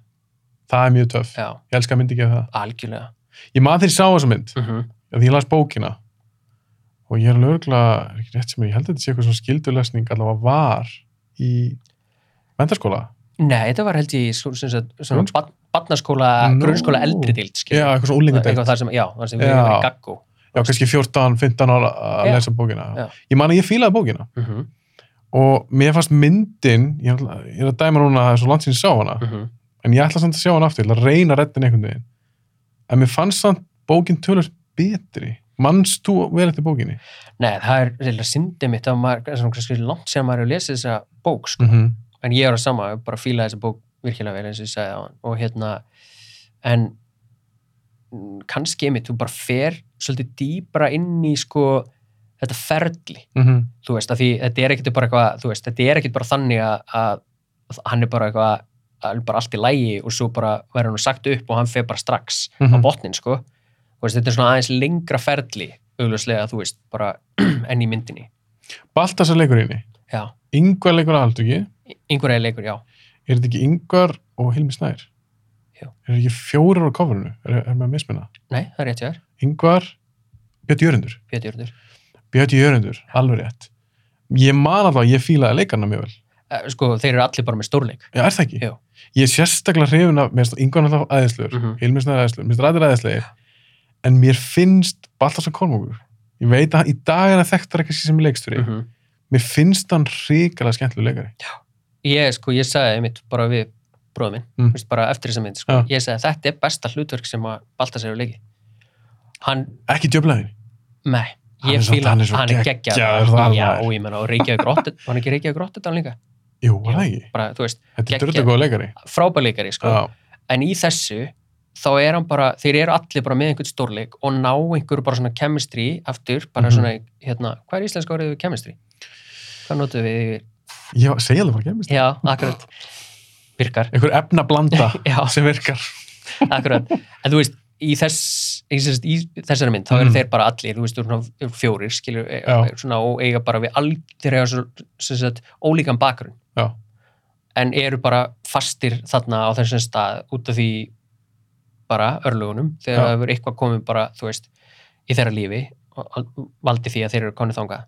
Þeir eru allir að glíma við það ekki eitthvað geðskutuma. Jú, það er bara, jú, Já. þú veist einhver hafi lesið yfir sig og annar hafi hérna droppa síru eða, og hérna, og Alveg rétt. yngvar er náttúrulega, ég held að þessi geðklufi, bipolar já, í þessari mynd, sko, Já, einmitt. og hérna og, og þeir eru allir svo svakalega góðir, Mhm. þú veist hérna, Baltasar Kormungur að semja bítlalögin, Já. hann, þú veist, hann er alltaf að spila á Ah, alveg gítar, rétt, syngja, þú veist, og hann, Alveg rétt. og hann hikar alltaf þegar hann er svona að tala Já. og það er Ah. svona, sé- finnur það svo mikið fyrir og þú veist, og þeir tala alltaf svona, get, þarna, svona virkilega blönd við hvern annan sko, þú veist, Einmitt, Svo sem sé engin filter. já, það er engin filter ég meina, það það er það ekki, Nei, en hérna- Einmitt. og ekki saman og mér finnst bara, meina, Björn Jörnundur hann er svona, hann- hann er bara svona, svo reyður sko, í þessari mynd, það er svona Já. með, hérna- bara Hitler, Já. hérna, og tala náttúrulega um hann sem bara eitthvað dolli vi- vissi sínu viti, og svona eitthvað, ok Fyndið, mér rámar svona í, þú veist, Já. þá sem mjög langt sem ég sá hana, ég man ekkert svakalega vel eftir Nei, henni. nei. Og ég mist ógæst að leiðast því ná ekki að horfa á hana fyrir podcasti. Ég vil samt ekki sleppa hann að hafa hana í podcastinu. Nei, algjörlega. Af því mér er svo gæðan líka að hlusta á þig bara aðeins Mhm. tala um hana og Já. hvað þú fílaði við hana. Já. Já, þú veist, það er bara, eins og ég segi, þú veist, það er bara svona persónusköpun og, og, og þessi leikara, en þú veist, en það er rosalega, mi- skipti mig rosalega miklu máli sem sagt tónlistin í þessu. Já. Þú veist, hann er hérna og, og finnur það líka, sko, að hérna, það er trommusett, þú veist, hann er eitthvað að tromma Mhm. hérna, og verður svona brjálaður og þú veist, trommundar verða svona auka við brjálaðið, þú veist, og svo er það einhverstað annar stað þar sem að kemur svona trommusett bara trommusóló, Mhm. þar sem þú- þú verður bara svona fyrir líkamlegu bara, það er eitthvað að gerast sko, Mhm. svo er hérna þú eru tvö svona 70s lög sem er eitthvað ég, hérna, eh, Í- í myndinni já, sjálfri? í mynd, myndinni sem sett bara amerísk sko, Já, bara alvöru Já, lög. alvöru sem sagt. Já. allafana þú veist, og er kannski einhver fleiri en, en, og þau einhvern veginn bara virka mjög, mjög vel Mhm. I put a spell on you og eitthvað svona fleira sem að bara virkar virkilega vel en, en það er aðalega bara þetta þetta skoraðar, þessi strengir og bara svona eins og vera sé, sé bara að spila á tilfinningarna einar í þessu bara svona algjör, Já. bara svona harmur og já, En það er svo magnaðið mitt í bíómyndum, hvað tónlist getur spila svakalega með mann. Já. Á góðan hátt. algjörlega Þetta er svo ég fór alltaf inn að hugsa um Breifart. Já. Og þetta það er rosalega fallið tónlist í já, því. Rosalega góð tónlist. Hún magnar allt upp tífalt. Já. Ef þú tekur tónlistunum Breifart, Já. alveg góð mynd, algjörlega, algjörlega þú ert ekki að fá sömu tilfinninguna. Nei, nei, enga mín. Ég var með hann og þú veist, hérna, eh, ég er með hann mjög ofalega sem skor. Er, er, Já. ég sammálaður. Já, að því það er bara, þú veist, ég, ég var bara að hlusta sekkibubi tónlist eftir, sko, eftir ég sá breyfart. Mér fannst það bara geggja, þú veist. Keftur bara- skotapils og... Nei, kannski ekki alveg, það- fór ekki þangað. En ég meina, þú veist, svo er, hérna, bara einhvern veginn fannst mér bara sekkibubi hann, bara geggjuð, þú veist, hvernig hún var notið í þess, Mhm. þetta og það var svona, auth- þú veist, fannst mér vera authentic, svo veit, veit maður náttúrulega kannski ekki betur En þú ætlaði að trúið já, þessu. ég bara trúði sig og, Já. hérna, og bara mjög, þú veist, svona dramatíst og, og hérna, og, og þú veist, og einmitt, þau voru með svona þem, Mhm. skilur þeirra, hérna, William Wallace og svo, hérna, prinsessan og eitthvað svona, þú veist, Já. veist svo flott þeirra og bara heyri eitthvað sem að bara trítlar inn og þú veist, Já. þá bara veistu hver er að koma eða, þú veist, þetta er bara lag þessa einstaklings. Og ef maður hlusta bara, ég hlusta stundum á soundtrack á Spotify. Þetta er soundtrack? Já, Braveheart. bara- Ég, ger, ég, ger, ég átti það á CD, sko. Já, þú, þú keftir það? Já. Mér finnst það bara dörrullu Já. gott. Þannig að ég ætla ekki að fara aðeins út fyrir engla alheimsins. Nei, akkurat. En já, ég, eins og ég segi, leðilt ég ekki séð hana. Já, en þú veist, en, en svo ástæðan fyrir því að ég valdi hana og ég gerði það s- s- svolítið, þú veist, út af því að við vorum, sem sagt, við vorum komnir í svo, við vorum komnir í svo ólíka myndir Já. nú þegar Mm -hmm. að mér fannst svona alveg bara, heyrðu, ok, ég ætla bara að velja þessa mynd af því að bæði er skorið mér, bara, sko, bara ofalega Mhm. og hérna, og mér finnst það bara geggjað og, og svo kemur þarna í lokin Mhm. þar sem að þú veist, ég meina, segjum bara hvernig þessi mynd endar en allavega, þú veist, þegar að hann er sem sagt, bara er eitthvað svona sem sagt, búar, er, já, það er verið að ræna hann Mhm. og hann er eitthvað svona algjör eimd í honum, hann er að labba og, bara, og það er verið að ræna hann örorkonans og hambúrgarnum sem hann er að borða, Mhm. sem sagt Páll og þú veist, og þá kemur dánarfergnir og jarðafærir með Sigurús Mhm. og ég fekk bara gæðsáð aftur, þú veist, ég, þetta er bara þannig með mig ég fæ bara, þú veist, þú spilar mm Mhm. einmitt, hérna og dánafræðinu og jarðafæri kemur, þú veist svo er bara, heldur hann bara áfram í eimdini, þú veist, hann fer upp á efstuðað í hérna, örkjablokkinni og svo kemur einhver sm- smellur og þar er hérna ennþá lagið í gangi Mm. og ég er náttúrulega mjög mikill sigur og hérna, Ég ætla að spyrja út í fan, það. sko, já Hvernig finnst þér þér? það, það er bara eitt af mínum uppáhaldsböndum Bara allra ever, tíma. allra tíma, Bara öllum löndum, eða þess að allra ekki tíma bara... öllum, öllum löndum, já Já, þú ert þar. Já, ég er þar sko. Þeir eru mjög sérstakki, eða þess að þeir eru mjög, þeir eru uník. Já, Mér, ég er alltaf, ég er alltaf, jafn, ég er að tala við hérna, ég er að segja þetta við félag okkar, Mm. hérna, Dóra og Rakel. Mhm. Og ég var að se- segja svona, já, ég er alltaf jafn hissa þegar fólk fílar ekki Sigurús. Mhm. Og ég sé svona svip, þú veist, á þeim. Ég veit ekkert hvort að þau fílan ekki eða ekki. Já. En ég var svona svo hissa, þú veist, alveg, já, auðvitað, það er fólk sem fílar ekki þessar hljómsveit. En ég fíla hana það mikið að mér finnst það svo skrítið. Já, ég skil, hún er það ofalega hjá þér. Já, Já. þú veist, ekki það auðvitað veit ég að þetta er sérstök tónlist eða er svona, en, en hún bara, s- bara, já, spila bara stórt hlutverk í bara mínu svona tónlistilega uppeldi, skiljur bara þegar ég er svona vex og grasi og það sem ég hlusta á, sko. Ég er nefnilega, eins og með Sigurós, ég, ég get ekki sagt þessi eitthvað brjálar aðdándi, en það er kannski ekki að, að því að ég hata hana, ég bara hef ekki kannski kynnt mér nóg vel mm -hmm. en svo heyri ég stundum svona lög eitt og eitt lag, kannski í einhverju bíómyndi eða þætti eða eitthvað og þá er ég bara eitthvað svona, já, být, bara hvað, þetta er gekkja lag ég veit, þetta er Sigurús Já. að þeir gera drullin töf tónlist Já, og einmitt svona, hvað kallar maður þetta? Svona útvarps, nei hér- ekki útvarpseldur hérna, svona kvikmynda væn, þú veist, að því að hún Já. svona til þess að skapa stemningu. hún er það, hún er, hún er rosalega, a- a- mér finnst alltaf og eins og ég segi, ég er ekki, ég er engin sérfræðingur í þessu, en mér finnst alltaf vera svo mikið svona er búið til alltaf svakalt andursloft með sinni tónlist, finnst mér það er ekki sammála því, Ah, jú, algjörlega, þetta er bara svona atmó, já, það er bara þannig. þeir fara einhvern veginn yfir það að vera bara með eitthvað svona, eins og ég segi, kannski eitthvað svona vellega popla í útvarpinu, yfir eitthvað allt annað Já. Algjörlega. en ég get sagt það, þetta er held ég fyrsta íslenska myndin sem við talaðum í þessu podcasti Já. Það, Og- og þetta, það var líka, Ástofn Valdarla já, með vilja gert sko. að ég, þegar, ég- þegar þú sendir mér skilabóð og sagði bara, herðu, ég ætla að taka engla alemsins ég var bara eitthvað svona, á- á 20 hugsaði nummer eitt var, hey cool, valdi íslenska mynd og ég til að sjá hann aftur en svo hugsaði ég líka, fuck, það verður glæður eftir að finna hana, Já, já, já, það er útrúlega sorglegt. að það, er sé glata Ekki á einu, einmitt, eins og þú segir, á einhverju streymisveitum eða annað sko. iTunes bara, já, ég já, skal, ég skal algjörlega. leiði hana Já, já, akkurat, skilur þau, bara. en það er svolítið, svolítið leðilegt Já.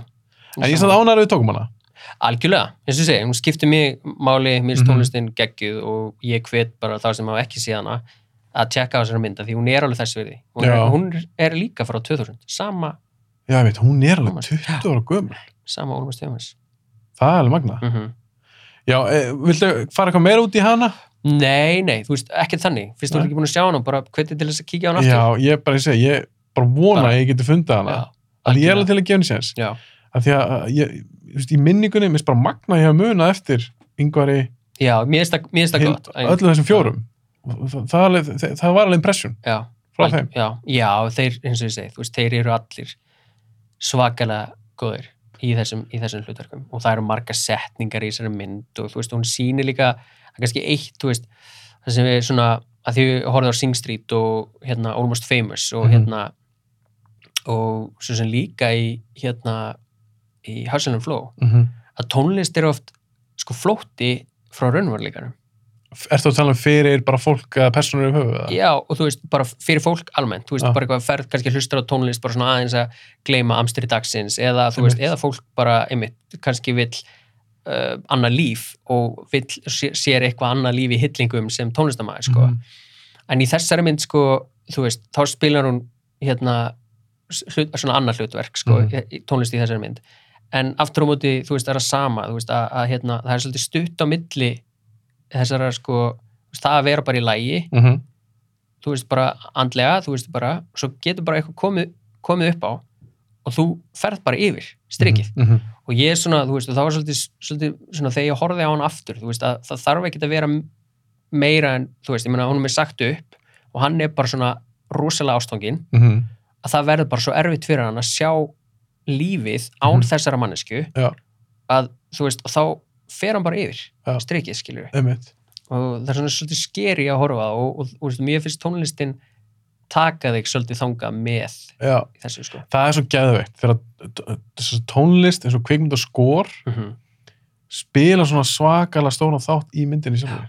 Ég elska það. bara geggja Þannig að þetta er skemmtilega pælingar og ég er ánægð með að við offuðum ekkert þessa mynd og ég hef nei, ekki séð bara hana. enga veginn, algjörlega bara hún er Þú hefur partur séð af hana. þessu ég hef séð hana, bara 20 ár síðan og eins og ég segi, ég man að mér fannst bókin betri í minningunum fannst mér svolítið þunga sem mynd mm en ég er alveg til að sjá hann í dag því ég er 20 árum eldri algjörlega hann er búin að breyta svo mikið Mhm. og minn smekkur hefur bara breyst og þróast í gegnum árin þannig að, ef við að fara í næstu mynd já, klálega þá erum við búin með englandarsins, alheimsins förum í bara einhverju þau að taka undan þurraðir tökum Sing Street af því að þú varst í rauninu horfður á Back to Back, horfður fyrst á Sing Street og svo á Engla Alemsins ég sérst valdi þessa mynd Mhm. Já. hún er fjögur ára gömul held ég lögla, já, mér- þetta er 2016 já, 2016 ég er nokkuð um að segja hvernig fílar þessa mynd? þú segist að hann hafa verið svolítið svona blown away í bíó það Mhm. þú dánaði með hana sko, ég er mjög annað með hana mm en ég var samt á sama tíma til að heyra, þú veist, af hverju þú valdir hana ok, ég skal bara segja það Mhm. mm ástæðan ég valdi hana uh, þessi leiksturi, hann er tónlistumæður líka og ég man ekki alveg hvað hann heitir hvort þetta er John Carney eða eitthvað svo, skrifaði það niður Ég skrifaði það einhverstað niður hérna hjá mér. djöð myndur við bjarga okkur Það er bara alveg rétt hjá þér. John Carney, Já, John Ok. Carney. John Carney er náttúrulega svolítið áhörður gæi hann gerði mynd sem heitir Once Mhm. sástu hana, Ég er nefnilega ekki séð hana. þú er ekki sér hana Nei. mér finnst hún æðisleg, Já, ok. þetta er rosalega þetta er low, low budget mynd Já. Ég man mjög vel eftir sko þegar hún kemur út Já. og hérna Glenn Hansard, sem sagt tónlistamæður og Mhm. hvað heitir hún, er Mar Marketa Glóa Já, eða eitthvað svoleiðis. markiða algjörlega. Já. hún býr á Íslandi, vissu það Herðu, ég var búin að heyra því einmitt. Mm. minnst það magna, Já, hún býr á Íslandi og ég vinnur að tónlist hér. ég held sér gift, gift íslensku manni Já. hún er Ég- ekki þrjú börn Já, eða eitthvað ok. en Once er rosalega sætmynd Já, ég sko, ég er svona misti af, ég man alveg þegar þetta kom og þú veist, mm Mhm. hérna, þau komum til Íslands held ég að spila sko. Já, ég Sem sagt- fór á tónleikana Já, ok. Já, þú ert bara fan. Þessari, sem sagt, þessari- mikill Já. fan, Ég, hérna, ég, þú veist, ég hugsaði um að ég þyrfti eiginlega að sjá hana f- fyrir að því ég var, Podcastið. já, ég var eiginlega að skoða sko, bara hans, þú veist, hans hérna, Feril. feril sko. og ég bara, eitthvað, já, heyrðu, þú veist, þetta er svona þetta, þú kannast alveg við þetta, þetta er svona einum þessum myndum þar sem allir eru búin að sjá og þú veist alveg að þú er svona, fólk segja, já, þú myndir fíla hana en þú hefur ekki séð hana og þú bara finnur ekki tíman og bara eitthvað svona, já, þú veist og bara gleymir Já. Oh að tjekka hana og skilur. málega það eiga allir svolítið myndir já, klálega, ég hef alveg lendið ykkur svona samræði við eitthvað og ég segi, nei, ég er ekki með að sjá hana og ég er samt líka þól ekki þetta, þú veit, ha, er ekki með að sjá hana já, já, já, akkurat býtu, er ekki kveikmynd á hann maður það er ekki með að sjá alla myndir nei, bara þessi séns en sérst, uh, ég sá Once mm á sín tíma og mér fannst hún geggjuð Þú veist, þetta er kannski ekkert merkileg saga bara geðveik tónlist mér fannst þau rosalega sæti í henni þetta par, Glenn og Marketa og þau leika svona en þetta er ekki leikarar, þetta er bara tónlistamenn bara tónlistamenn, já, Já. og mér fannst það æðisleg svo komum við til Íslands og ég hljómsveit sem heitir The Swell Season algjörlega já, já. og spiluð hér uh, á Íslandi og ég náði að smita mömmu mína uh, Bjögga sýstu mína við fórum á tónleikana saman þeir varst one so góð og þegar þau komið til Íslands mér fannst þau bara þetta eru bestu tónleika sem ég farið á Manstu, manstu hvað, hvað var uppbytunatriðið? Nei, Getur, þú veist, varstu nú að snemma til þess að sjá það? mm, já ég held það Voru þetta þetta var á, tveir þetta var strákar? á NASA, eða ekki? NASA Tveir strákar, Hæ? uh, Kalli og hérna, Ég sko, man ég það held í alvegni ég held Ja. að þetta séu sko Kalli mm. og ja, hérna sem sagt Grímsi Mm. og Kalli tók þetta gig og ég var að spila með Kalla, Mm. sem sagt session gítar á þessu tímabili Mm. og við ætluðum að, þú veist, við áttum að spila á þessu gigi Nei Ah. svo var, á, svo var ákveð, ég er nokkuð vissum að þetta sé, já, ég ma- bara, Swell Season, já, og hérna, en svo var ákveð að hafa þetta meira low key, no. þú veist, og þá var ekki, þú veist, þá var bara, sem sagt, rattanir, þú veist, þá var ekki bara bassi, trommur og gítar, sko, Já. og ég var að spila gítar með honum, þannig að annars hefði ég verið með á þessi gigið, Ég, þannig að bara allt í einu manni þetta núna, Til það fyndi Já. maður. En, en það voru æðislega tónleikar já, ég og trúi því, þetta var svona alls konar. Ég meina, eitt lagi þá var bara, bara heil hljómsveit að spila, svo kannski var hann bara einn á kassagítar, hún á píanói, þetta var svona, þetta þetta var bara geggjaði tónleikar. Það er bara rosalega vænt um þessar tvær manneskjur. mm Sami leikstjóri gerir síðan Sing Street. Þannig þetta gerir eina mynd á milli sem ég á eftir að sjá, en hann gerir Sing Street. hvaða mynd gerði hann á milli, Hann gerir mynd með Mark Ruffalo og hér, ég skrifa þetta niður líka, heitur hún ekki Once Again, nei ekki Once Again Begin Again eða eitthvað, hvað heitum það er ekki með þetta þú ert alveg með það, þetta er bara, líka Begin Again, Begin Again, já, ég er búin að sjá hana, er hún góð? Já, ég, mér finnst hún, hún er, það er bara, þú veist, já, bara Mark Ruffalo og Keira Knightley og þú veist, Keira þau eru Knightley, bara, þau alveg eru bara krútleg, þú veist. er þetta svona tónlistamind líka? Já, hún er tónlistakona í þessari mynd, sko. E, já, ég þarf að sjá hana Já, ég, ég mæli með henni. Já. Ég var einmitt að hugsa um hana þegar ég var, bara ég var að skoða fyrir hann hans, sko. Mhm. Já, heyrðu, þú veist, mér fannst hún, mér fannst hún bara mjög fín, sko. ok, ég þarf að tjekka hana, því Mhm. að mér finnst Once æðisleg og ég algjörlega dyrka Sing Street Já. þetta er búin svona langt svar heimur ég ætla að segja þér okkur ég valdi Sing Gegja, Street gegja. en ástæðan valdi hana, þegar ég sá hana 2016, ég horfði á hana heima, ég kifti hana á iTunes og ég var blown away mér fannst þessi mynd algjörlega geðveik, í alla staði vel skrifuð, flottu bóðskapriðinni, góði karakterar geggjuð lög finnst mér allavega, ég hlægt til að heyra hvað þér finnst og svo sætt, sætt hvernig hún endar og ég er að fara að spoila Sing Street eða er ekki búin að sjá hana Klá, já, klálega, við verðum að spólinni. við verðum að spólinni við skekki hún endar mér varst bróðurinn æðislur hann er eldri bróðurinn sem var bara alltaf eitthvað Hann er besti karatinn í þessari mynd. sko. gekkja karakter og bara hann fær svo mörg góð atriði með yngri bróðursinn í myndinni mér varst hún æðisleg mér varst hún, hún heiti Lucy Boynton leikonan mm Mhm. mann ekki alveg hvað kærna þetta er mér varst Jú, hún, Rafina Rafína mm -hmm. mér varst hún pínu eins og Kate Hudson í alveg Almost Famous Ég er svo sammálaður, þetta er svo fyndið ég, ég fekk bara, ég horfði á hérna, Sing Street, þú veist Já. það mitt, áður og svo horfði ég aftur og það er þessi sama tilfinning sko. já, þú veist, ég var líka skotin í henni Æ. eins og Kate Hudson í myndinni það er báð með Við eitthvað verðum sjarma Við verðum bara báðir litlistrókandi, sko já, þú veist, þeir, þú, hún, þessar stelpur hafa bara þær, það, þau áhrif á Já. þú veist. og það er held ég ekkit auðvelt bæði að sko, kasta mhm, þannig að Mhm. þú sé, það sé það sannfærandi að bara einhverjir, þú veist, miðaldra menn sé bara eitthvað, þú veist, bara kiftir inn í þessa mynd skilur. nei, algjörlega það er bara þannig, bara svona upplifun Já, bara virkilega gott kemmistri á milli þeirra, mér var strákurinn góður ég maður ekki trá síðan áður sem leikur aldrei ekki, nei, drullu góður já, mér varst allir vinnast, mér varst bandi gott það sem mér veist aðalega skemmtilegt við- skemmtilegt við þessu mynd og það sem að Hudson og Flow líka samilt með henni og þetta er stóra ástæður í valdana að þær fjalla báðast um að elda drauman sína og mér finnst bara svo auðvöld að tengja við það já skilur, syngst þetta þannig hún bara, hún, já, ég er, 100% þannig. ég er al, alveg sammála þér og það er það sem ég var að tala um áðan, sko, þegar við vorum að ræða þú veist, að tónlistin er þú veist, sko, svona flótti mm -hmm. eða tónlistin er leið út Já. og í báðum þessum myndum Mhm. þá er tónlistin leiðin þeirra út úr þeirra svona, aðstæðum, í aðstæðum já, Og- bæði syngst þetta og Hudson og Já. Flow Já, einmitt. Og ég, einhvern veginn- ég ásæði alltaf að tengja við þetta, þó ég sé ekki tónlistamæður sjálfur. En ég eitthvað draum, algjörlega elda drauminn, Algjörlega. alveg sama hvað. Ekki vera bara sáttu við að vera það svo ert í dag. Mhm. Og mér finnst það svo geggjað í sínstrít. Ég bara, og lögin, hlusta reglulega á þau. já, já. Mér finnst það klikkulög. Hvað Þau finnst eru frumsamin. hvað finnst þið besta lagið? Besta lagið, þetta er pínu koppotsvar, en besta lagið sem ég er búin að hlusta oftast á er lagið sem Adam Levine syngur endan.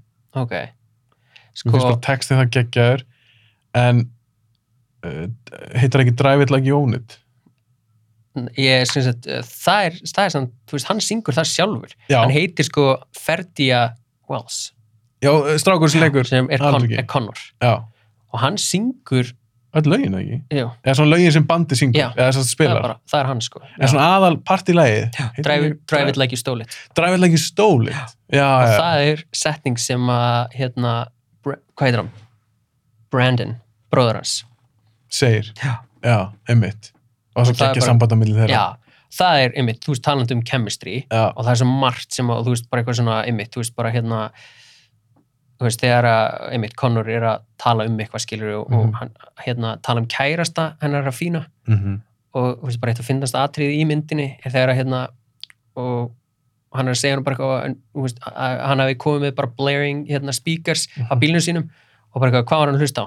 og bara eitthvað, hérna, Genesis, he will not be a problem svo geggjur bara eitthvað, e- engin kona geti elska mann sem að hlustar á Phil- Phil Collins. sem er, sem er ömulegt, því ég fíla alveg Phil Mér Collins finnst það það geggja setning geggjur sæðning, Já, hún er bara líka rosalega rosalega fyndinsmynd á, það er bara alveg fullt af bröndur mínu og sko, í rauninni þarf þetta að horfa á hana stund, af því það er svona skot mhm sem að sko, ég bara las eftir, ég bara svona í trivja, þú veist, bara eitthvað svona bara eitthvað, já, vá, þeir sögðu þetta, því þeir Mhm. náttúrulega tala um með reym og maður er kannski ekki alltaf alveg bara, þú veist, Ég með texta.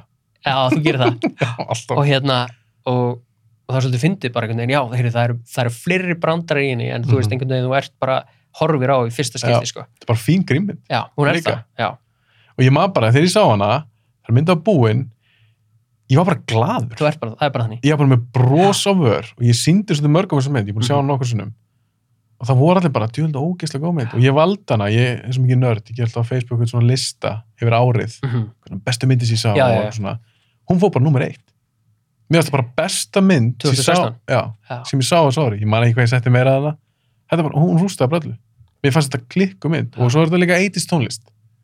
já, Ég er rosalega hrifin af 80s tónlist. já. Hvað er þú með 80s tónlist? Ég sko, ég uh, var, einmitt, þú veist, ekki þar kannski, ég var meira svona 70s og svo var ég komin í, þú veist, svona, svona grönsið og svona tók svona aðeins út fyrir, þú veist, þarna, uh, eða svona misti af, þú veist, Mhm. þegar þetta kom svona, svona 80s vibe, sko. En hérna, en þú veist, fíla það núna sko The Cure og hérna og, og já, svona Joy Division og kannski, ég veit ekki alveg með Duran Duran ég er ekki þar já, ég er ekki Best þar. mode eða eitthvað, ertu ekki að fylga það? Jú, ég fylg að The Past Mode, Ok. algjörlega. En hérna, það er eitthvað með Duran Duran, ég veit ekki af hverju, það er bara eitthvað svona, þú veist, er, Eitthvað hattur. er ekki tatur, bara eitthvað neginn svona hef ekki ná- náð þeim, sko. Nei. En það er, það er best, þú veist, bara einmitt besta við þessa mynd og Mm. ég er svona hugsaði einmitt líka bara svona þegar ég var að horfa á hana, það var mér svona Já. hugsa til þín, sko, og hérna, að því ég verið búin að þekkjast lengi Mhm, og back in the day, þá voru þeir að búti bíómyndir mhm, og það er svo fallegt að vera bara þar sem þeir eru bara búti myndbönd mhm. og þessi myndbönd eru svo low budget Já. en þau eru svo góð af því það er svo mikið passion í þeim Já. þú veist, og hérna og bara þessi, þú veist, að klæða sig upp og eitthvað svona, þú veist, að það er svo margt við það Mhm. og, og hérna og, og eins og ég segi, þú veist, þessi mynd bara veku gleði, það Já. er bara þannig þú bara hlærið, Algjörlega, þeir bara liðið vel. Ef þú Já. horfir á Sing Street og þú ert bara eitthvað í hattismynd, Já. þá þarfst þú bara að skoða það í spegli, sko. Í alveg tala. það er bara þannig Þetta er bara svo góð mynd. já, Hún er bara reikalega góð. hún er það og eins og við varum að tala um, þú veist, eins og bara hérna uh, persónusköpun Mhm, skil, bara, þú veist, og, og bara svakalega sterk skilur, þú veist, og þar sem að og hérna, og mér finnst bara svo geggjað, þú veist, bara hvernig þessi mynd byrjar skilur, hann, hann hérna, þarf að skipta um skóla og þetta er svona smá eimd og Já. síðan einhverja sæta stelpu, ég veit ekki alveg bara, þú veist, hvar hann fekk þetta hugur ekki að gera þetta, en þú Aha. veist að maður svona, það bara dreymir allavega um að vera bara eitthvað, heyrðu, ok svo fer hann upp til hennar og svo segir bara eitthvað, já, þú veist, lígur einhver aðinu og svo bara eitthvað, heyrðu, við þurfum að búti band og þetta er Mhm. besta sem bara, þú veist, já, einmitt, þetta veikur svona gleði þar sem þú bara hlærð Já. að því þetta er svo geggjað misjón sem Já, hann er á og já. það er bara þetta, þú veist, missjóni hans alla þessa mynd er bara að næla sér í þessa stelpu að því hún er þú veist, hún er hans Penny Lane Já, þú veist, það algjörlega, er bara þannig algjörlega. Og það er líka svo gaman að sjá að þetta er svona ungi strákar. Hann bara, herri, já, ég er svo skotin í þessa stelpu.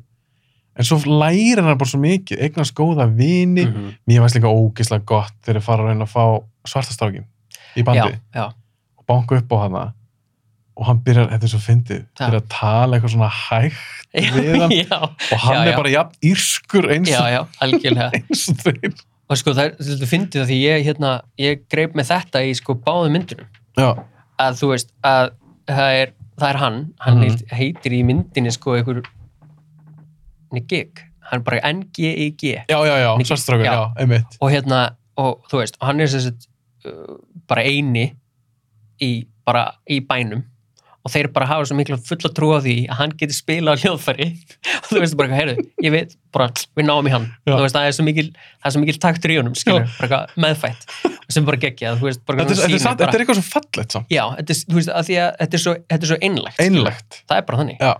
og hérna, en það er sama þú veist, það er svona sama moment þegar að hérna uh, hvað heitir hann hérna, hérna DJ DJ Quills í Hustle and Flow þar sem að Digi Qualls, já. DJ já. Quills, já, já. að því að hann fær sama bara eitthvað uh, en hann er hvítur Mhm. Það er ekki rytmi í honum. nei, þú veist, Já. að, að það var svona sama ég vil Mhm. mm. finna að horfa á þessa Já. myndi svona, back, þú veist, Mhm. svona með svona stuttum millibili því Já. það var bara fyrsta sem ég tók eftir bara eitthvað, það var bara svona spiklað Já. og hérna, en Sing Street bara, þú veist, lögin, þau eru bara öll geggjuð og þau eru svona angurverð, en það er bara svo þú veist, þetta er svo þetta er nær, nær svo mikið bara þessum af því þetta er bara þegar þetta nær svona yfir þennan, þennan svona high school, þú veist, Já, já. aldur það sem að, sem að hjá okkur er náttúrulega gagg og mentaskóli eiginlega saman Já, og hérna þegar þeir eru að búa til eða þú veist, þeir eru að skapa sinn hljóm mhm. og kom alltaf í skólan öðruvísi klættir af því þeir eru búin að Alltaf hlusta á breyta. nýja plötu þú veist bara eitthvað, þarna kemur, þú veist, þarna kemur þessi tónlist og svo bara, eitthvað, svo bara stíllinn og málið er að þú ert svo áhrifagjarn á þessum aldri já þetta er algjörlega. svo, þetta er svo, það er svo ríl Hann Þú veist, neglir það, leiksturinn. já, bara algjörlega, þú, Já. bara eitthvað, þú veist, þú er þarna og ég, meina, ég þekki það alveg, þú veist, og við vitum það bara báðir hvernig maður klættu bara eins og hljómsindar sem maður hlusta á, bara eitthvað, þú veist, algjörlega. það er bara þannig Já, og hérna og sama hva, á hvaða tímabili held ég þú, þú veist, uh, ert a- bara elst upp á Mhm. að þú þekkir þessa tilfinningu að bara, bara tónlist og hvað hún hefur mikil áhrif á þig og svo ertu allt í nú bara klættur eins og þeir þú Ég, veist, ég meina, ég fó bókstælega þegar ég var með hár, mm Mhm. svolítið síðan þá fór ég bókstælega með mynd af Chino Mhm. og Deftones já ok til, hál, hál, til hárgæslu gæðis já, sem var að klippa mér hárið. Ég Já. sagði bara, ég er fór svona hár. það ég ég ætla ekki að gera þetta í dag. Nei, En en þú ég ert ekki- get það þú- ekki heldur.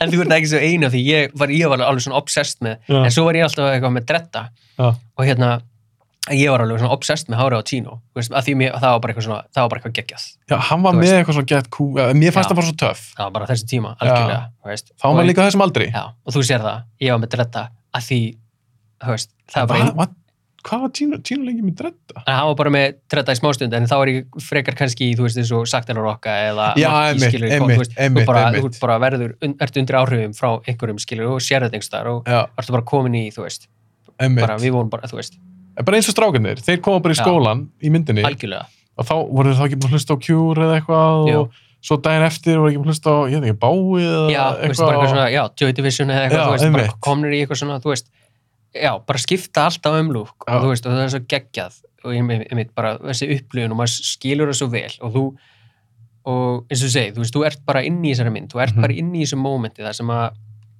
þeir eru eitthvað að ferðast um og hérna ferðast um og taka þú veist, í lest með myndavél og props, Ó, svo æðislegt. þú veist, já það, Það er er svo það æðislegt. Já. Þetta er bara ungi strákar, eða ungt fólk, kannski stelpanum með, Mhm, sem er að reyna að gera eitthvað. já, Það er bara að algjörlega. skapa, þeir, þeir eru ekki að hugsa um peninga. Nei, nei, nei, nei, og þetta er það alltaf draumurinn að geta fengið greitt fyrir þetta Algjörlega. en þetta er bara svona ástriða, já, búa til tónlist svo líka svo fyndið að því að bíómynd er svona nummer eitt hjá mér, mhm, upp á okkur svona list og áhóma já, já en, og ég hef alltaf sagt lengi eitthvað, neða ég myndi aldrei segja að tónlist er áhóma hjá mér en ég hlust á tónlist hvernig veist þig Já.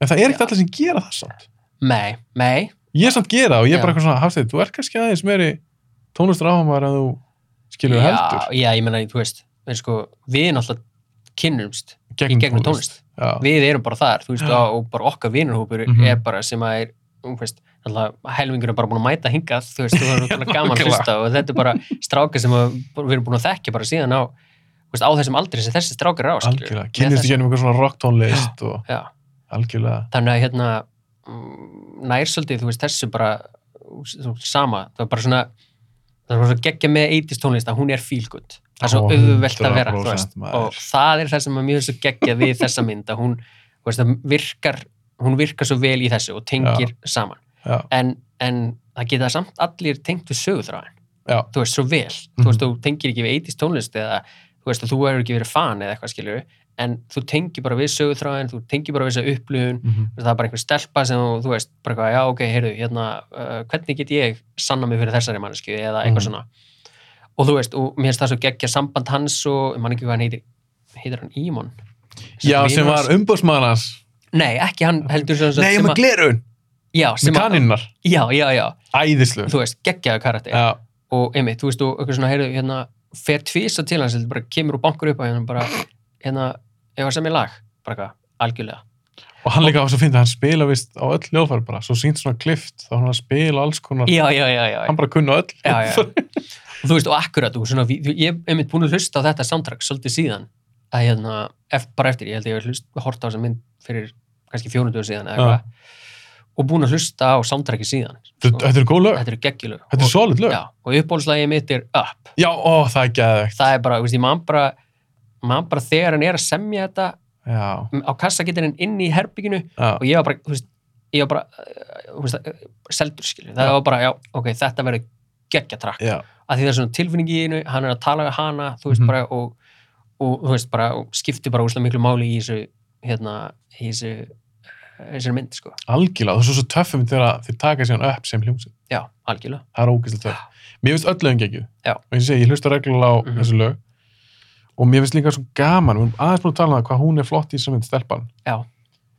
málið er í þessari mynd ef að hún virkar ekki, Mm þá virkar ekki myndin Hún spilar, hún er, þetta er, þetta er, þetta er mm, að þessu leiti er Mhm. þetta svo ótrúlega fyndi hvað, sko, Almost Famous Já. og Sing Street eru, hérna, að því hvað, þú veist, jú, jú, auðvitað eru, hérna, uh, það eru fleiri, hérna, Farúsa er í Almost Famous og, og hérna, Anna, hann er pakkan já, Já. þú veist, eru í, þessu- þú veist, þú spila hlutverk, skilur Mhm. en í Sing Street, þú veist, ekki Nei, þú veist, það, er bara hún, ein, hún breyn það er bara ein stelpa Já. og eins og þú segir, ef það hefði ekki virkað og hún hérna, og hún bara virkar bara geggjuð, en hún er sama típa þess að þú fyndið að því að hún er módel með Mhm. eldri gaurum, mm -hmm. þú veist, þú ert, þú ert á sama leveli og Penny Lane já, þú veist, þetta er svona bara eitthvað, hún er bara, þú veist, en hann bara sér hana og hann er bara sér ekkert annað Þolfallin. Já. Þetta er rosalega mikið svona puppy love, svona, svona side puppy Já. love. það er þannig Og þannig að ég ætla bara, áður en ég ætla, ég ætla að fræða þessi endan, mm -hmm. en áður en ég fyrir endan, bara, eh, segja bara strax, endilega tekja á þessar mynd, Sing Street, hún er æðisleg, nú ætla ég að spóla henni. Það sem er svo flott í endan, er þegar að þau ákveða bara að kýla á þetta. Þú veist, við erum bara að fara að gera þetta. Hún er ekki að fara til London eða eitthvað. sigla til London Já, til London. Já. Fara okkur um báti og, og bróður hans keirðu og atrið þegar þau eru að sigla og lægis með Adalyn Vín. Mhm. Þeir eru vist félagar. Adalyn Vín og Joe Canny. já ok, Ég held hann að leikið í Begin Again, Adalyn Vín. já ok Ég minni það. já, ég, En allavega, hann syngur sérst lægi í lókin mm já ég sé það og bara textin, þú veist, ég bara, veist það, ég var gæs á hlustum, Já. að hugsa um þetta. já, og atrið þegar bróður hans horfur eftir, já setur eitthvað svona nefn í loftið, hann er svo hann, glaður er, svo- hann er bara svo ánæður þú veist að því að, þú veist, að, því að sko, að, bara næstu því erum við ekki búin að tala um bróðurinn nógu mikið, að því Já. að hann er bara svo stórt hlutverk í þegar að þú veist hvað hérna, hann talar um að hann hafi verið jet engine, þú veist, í, bara í skóla og Mhm. svona, svo bara mist hann fæt fó, mist hann fótana Já. og þú veist, fó, fó bara ekki í skóla og einhvern veginn bara svona var bara heima og þú veist, og fylgdi ekki hjartanu, nei, það var bara þannig já, og þá sérðu þetta svo svart á hvítu hvað, þú veist, gerist ef þú fylgir ekki hjartanu, sko. nákvæmlega það er bróðurinn, Já. eldri Já. hann tá, tákna það Já. og það er svo gaman líka að sjá að hann samglist yngri Já, bróðurinn svo mikið algjörlega, já, og hann er bara, eitthvað, ok, ég meikaði ekki ekki gera sömu mistöku ég Nei. far þú bara að meika það mhm, og ég bara þetta moment í lokin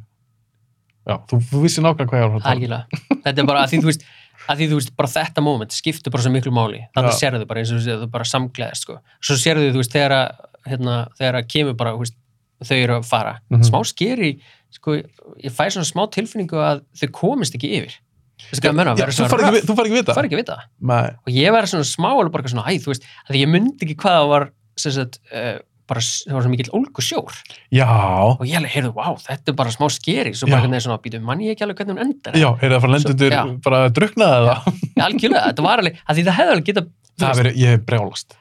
við hefðum brjálast, algjörlega en málið er að það hefði verið einhver svona sturlaður endir, það hefur verið komin inn í einhvern bara svona, ég veit ekki hvað En þá það ertu hefur bara- ekki virkað, Nei, þá ertu bara að pyrra á hann. já, klálega Að því ef einhver mynd á skila enda já, þokkalega, þá er það þessi Algjörlega. mynd. að því, þú veist, að því hún er ekki gert fyrir neitt annað en að láta það líða vel Já, þetta er svona, þetta er svona stundum eins og með þau áttar eða því að þú veist að, að tónlist mm og myndir Já. stundum þarf, þurfi ekki hlutir að koma þér á óvart það þarf bara að láta það líða vel já Þú góð veist. punktur.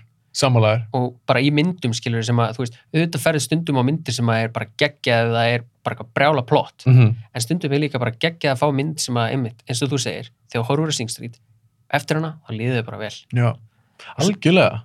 Og fagnar líka bara svolítið svona, hvað ég segja, mannlegum anda eða, eða bara svona elda draumanna, Mhm. Já. þessi litlu sigrar, Já. eins og hjá honum í myndinni. algjörlega Og þú heldur svo mikið með honum, eða Já, með þeim. algjörlega, og í mínum, ég get að segja það í mínum huga þá eru þau bara, ef við gefum okkur það því hún gerist 80 og eitthvað, já, já, þau eru í dag þau átt eignuðist þrjú börn já, og þau klálega búið ennþá í London og hann meikaði það, skilur við Ímyndað er góða persónusköpun þar sem að áhörundin er, fer með söguna lengra Já. fyrir sjálfansi, Já. þú veist bara eitthvað að því að þú veist bara, mér þykir svo um væntu, það er bara þannig þið ekki bara vænt um þetta par og þetta fólk og ég vil líka meina það að bróður hans hafi eitthvað tekið sér í gegn já, eldri. já, við skulum, við, við gerum fastlega ráð fyrir því en svo er svo geggja í lokin sko, þú veist, þegar það kemur hérna, það kemur bara svartur skjár og segir bara for brothers everywhere já, þá, ég fór næst ég bara grenni já, það, það er náttúrulega, þú veist, það er bara þannig þegar þú þegar þú ert að horfa á svona mynd sem að og, e, þú þú átt já, bræður, og þú- ég á bróður já, já, já,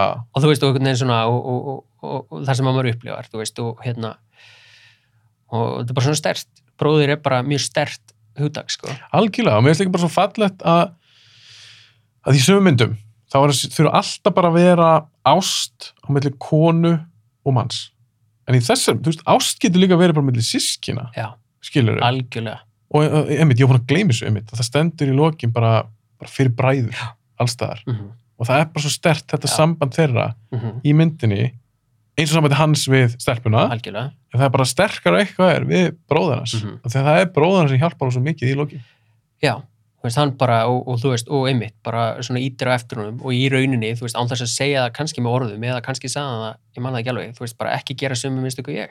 Já, þú veist, það var bara eitthvað, Nákvæmlega. þú veist, það var bara eitthvað ég var jet engine, ég var, þú veist þú veist, ef þú hefðir séð mig á þessum tíma, þú veist, og eitthvað svona og, Mhm. hérna, og það er ekki sjón að sjá mig, skilur Nei, þannig að mér finnst það, mér finnst það bara a- alg, algjörlega þú veist, spila mjög stort hlutverk og við tölum svo og við erum búin að tala mjög mikið um þetta hérna þetta chemistry Mhm. á milli, þú veist bara sko, náttúrulega ótrúlega mikilvægt að hérna, chemistry virki á milli leikara já, en þú veist að því sko í, í svona persónusköpun þá er Mhm. það bara allt, þú veist, Já. bara þú sérð það bara 100% og ég er svona og ég rauninu öllu myndunum sem við erum búin að nefna þessum þremur, sko þá er það, og það er uh, einmitt, þú veist, það er bara sama þú veist, hvers konar kemistri, hvort það séu Mhm. vinir uh, þú veist, hvort það væri feðgar eða, eða svo, þú veist, bara hérna par, skilur skiptir ekki máli, ég meina, þú veist, í Almost Famous bara sambandið svona, sem sagt, Francis McDormand við dóttur sína Francis McDormand við hérna, son sinn, skilur, Mhm.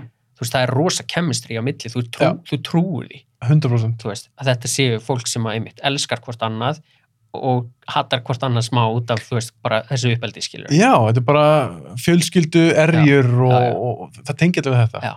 En ég er alveg sammála og viljum maður líka bara heldur með eins og bara í Almost Famous. Ég held svo mikið með stráknum. Já, Mér langaði svo að hann myndi skrifa bestu grein sem Rolling Já. Stone hefði fengið. algjörlega, Skilur, mér var ekki sama. enga veginn Og ég syngstrýt, ég vil, eða ég vildi að þau myndu komast til London. Já. Skilur, og bara ómeikaða þar. Mm. mm algjörlega, Uh, ef að fara næstu mynd, já, algjörlega ég bara, hvað er ég búin að blaða lengi? Hvað er klukkan? Ertu með? Nú, ég má vera með tíman hér eða? Ég sé það á kamerunni. Ok, næsta mynd. House on the Floor. Hustle and Flow, Og ég sé það okkur valdið hana. já, hvað er með það? Ég sá þessa mynd, ég er alltaf með eitthvað smá svona sögu. Því ég man oft eftir myndum því ég sá þær í fyrst skipti, sérstaklega ef það eru svona góða myndir. Hvað er þetta að skoða bókinu hérna? Ég er að skoða bókinu minna og ég er bara Er þetta að fletta á House on the Floor Hustle and Flow síðan? bara, já, hvað er minn? Já. House on the Floor.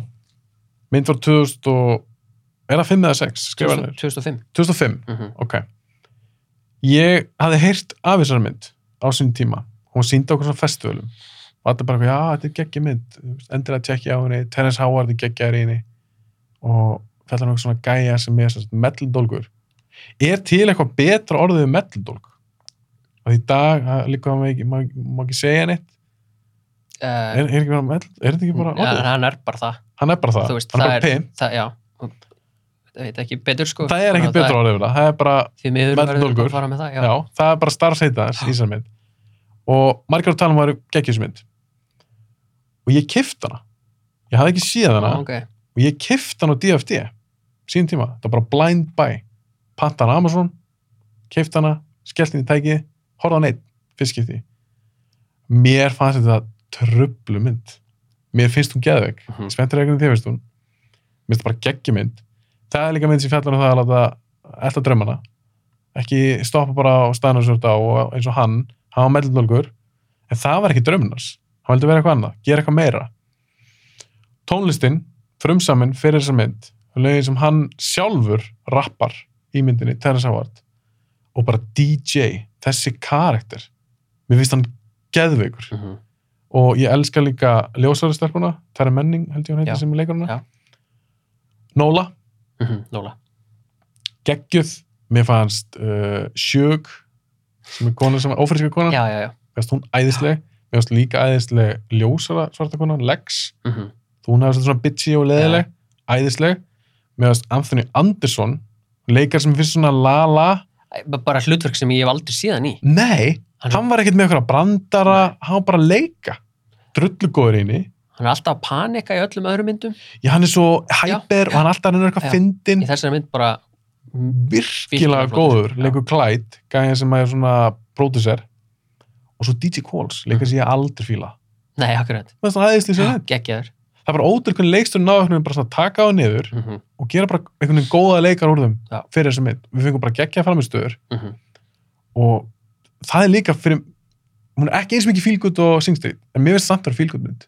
mhm, þó hún sé aðeins þingri, hún er alltaf aðeins meira dark já, hún er að fjalla um ákveðna Hún hluti er mjög sem að dark. já, ég meina eins og það er atriðinu það sem hann hendir út batni Já. með konunni Já. og það er alveg bara svona úf, ég eins og kæristi minn horfði með mér á hana, hún hafði ekki séð hana ok og hún var alveg bara eitthvað, ah, hún átti að verða með að horfa á það já, það er alveg brútal það er brútalatrið já. en ég túlkaði það þannig og þetta er alltaf hræðilt að þetta setja batnið út en kona sem, var að, sem hann var að henda út átti batnið mhm, en ég tólka þannig að ef þú ert að, ef þú ert að gera eitthvað svona þú ert að gera eitthvað svona eitthvað kreatív, skapa eitthvað en að búa eitthvað til, láta draumi rætast þú getur ekki verið með svona mikla neikvæðni kringu þig og mér veist eins og hann væri bara að taka neikvæðina sem var þessi kona og bara svona ítinu út af heimilinu þar sem stúdíu var Já. hvernig það styrði sem mynd? Mér finnst það mjög góð. Ég er búin að blara henni í haldtíma sem Nei, algjörlega. Ég er mjög- virkilega gaman að heyra, þú veist, af hverju þú valdir hana og, og hvað það er sem þú finnst um hana, sko. mm -hmm. Og ég, hérna, mér finnst það mjög góð. Og hérna, það er mjög, þú veist, þetta er svolítið fyndið að horfa, þú veist, þetta er svona aftur, þú veist, þetta er bara svona, þess vegna kalla ég, þú veist, þetta, er bara, þetta var smá rússipanni Já, að horfa á þessar myndir á svona stuttum tíma, sko. Þú Já. veist, bara hvernig svona, ólíkar alveg svakalega ólíkar og uh, ég var svo investið í öllu myndunum að því ég var svo mikið að pæla í tónlistinni Já. þú veist og þá verður einhvern veginn svona, þá verður svona ekstra horfir á hana svona alveg bara svona, svona fer svona djúft inn í hana sko Emitt, og ég er alveg samanlega öllu sem þú segir, þú veist alveg magna bara eins og Terrence Howard það er bara, þú hann er veist, geðugur hann er sem bara mynd, sko. geggjaður það er bara þannig, Hann er bara DJ hann er bara, já, já, Þetta- Mér algjörlega finnst þetta ekki verið leikari nei, nei, Þetta ég er bara, hann er bara DJ ég er alveg, alveg samanlegar og svo hérna er ah, hver er þetta Skinny Black hann er hérna Ludacris Ludacris er Skinny Black þú veist og, og þetta er þú veist, bara svona plottið í henni og, og þú veist bara einmitt þú veist bara lætur ekkert stöðvæg og eins og þú segir þú veist það er kannski komið eitthvað svona eins og þú segir metafor fyrir það neikvæðina er kannski þessi kona í lífin hans Já. þú veist það sem hann þarf sem En- allir upplifa Já. sem reyna að láta draumar sér rætast það er Al- alltaf eitthvað neikvæður í Já, kringum það algjörlega Það er bara Eitthvað þannig. sem stoppar þig.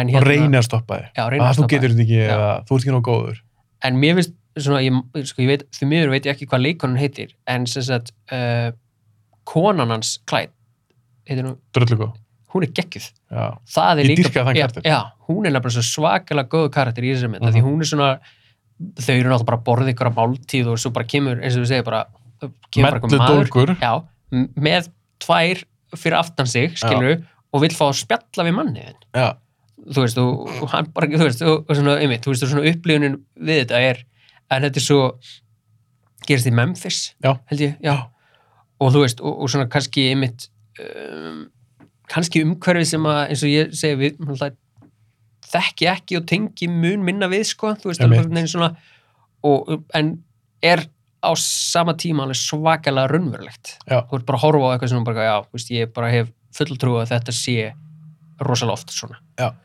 en hérna þú kaupir heiminn algjörlega sem myndin er hérna að sína þér Já. og það sem er mjög visslega flott er hérna í þessa, við þessa mynd sko er að hann kemur bara með eitthvað svona lítið hljómborð sem var bara Mhm. svona færan til þess að svona aftur fá þess að bara hann var að gera einhvern tíðan eitthvað og svo bara eitthvað, heyrðu, mér langar að gera eitthvað aftur Já. og kemur bara og sýnir einhverja þú veist hérna, einhverja svona kasi og þú veist hérna hljómborðstæki Mhm. til þess, og með einhvern svona takt, einhvern svona trommutakt og bara, hei, ég ætla að gera þetta svona Já. og það er bara nóg, já, að því þú veist, að því það það, er er, nóg. já, og svo eru þau bara með svona makeshift, þú veist, stúdjó Mhm. búa bara til, ekki að bakka og Ekki- eða já. svona utan um svona glösi eða eitthvað já og bara búa til, bara stúdjó, það sem að þetta virkar, þannig að allt bara rosa röff en, Mhm. en alltaf, hérna passar alveg við þessa tónlist sem hún er, því hún er bara röff og edgy, þú veist, Já, og hérna, ég er alveg saman að því þannig að það er svakalegt atrið þar sem hann er, sem sagt, fær mikrofón og hvernig hann fær mikrofónin Þú veist, það Já. er svona erfitt, þú veist, og það Já. er sýnir aftur góðan leik hjá hvað heitir hún, hjá þessu það er menning Tæra menning já, þú hún veist, er bara, heldur góð þar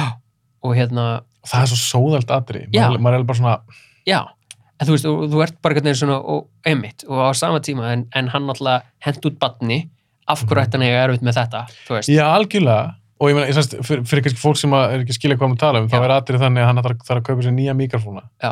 og það er eldri maður sem að vinna í sér búð og er svo dýrir, hann er ekki með pening fyrir þessu Já. þannig að hann er henni selur mellur á sína, vændiskonuna sem vinnur í honum, til gæjans í skipti fyrir mikrofónin já, og þetta er eitthvað svo, eins og þegar hún lappar út, minnst það svo flott sem hún segir, hún segir ég er ekki eitthvað hraðbóki, nei, skilur akkurat ég er ekki hlutur nei, og ég, sko, ég svona þú veist, að því mm, þú veist, bara, og þetta hlutskipti Mhm. þú veist, að, og sko, þú veist að hún er með, hún er svona að reyna að finna sig og hún er alltaf, svolítið merkilegt líka við hennar karakter Mhm. er í, í allri myndinni þá er hún að leita að hlutverki að því hún, hún er ekki að rappa, Mhm. hún er ekki að syngja Nei. hún er alltaf að leita að hlutverki hvað get ég gert, Mhm. hvað má ég gera svo náttúrulega bara kemur það í lokinu hún er bara boss já, Þú business bara, bara, já, og bara, þú veist, svona sér bara um það já, og það er mjög flottur, þú veist, ég fíla það líka þú veist, endin á því og hvernig hún hennar svona hlutverka því að, að því eins og þú segir, þú veist, bara á þessa fortíð og lifir í einhver svona heimi en veit þetta er ekki það sem að hún vil mm Mhm. -hmm. þetta er ekkit bara þetta er ekkit bara lífið hans Terrence sem að sem sagt, DJ sem við erum að horfa á Nei. þetta er ekki bara lífið hans þóttu Nei. við svona, hann, hann er aðal en þú sérð bara einhvern veginn svona allt í kringum og þú veist, og það að vera eins og DJ Quills, þú veist, hann er eitthvað hérna í svona sjálfsala þarf að vakna kl. 6 á mótnana og fara í sjálfsala Mhm. ekki draumurinn hans, heldur að draumurinn hans er að gera tónlist þetta er glugginn að lókast, all right, lætin þrýkja, já, allt í góðu og sömulegist á hvað er það, Clyde klæt, já já, Clyde, þú það veist, kallaði að, key en Key- já, heit- al- heit al- alveg, Clyde.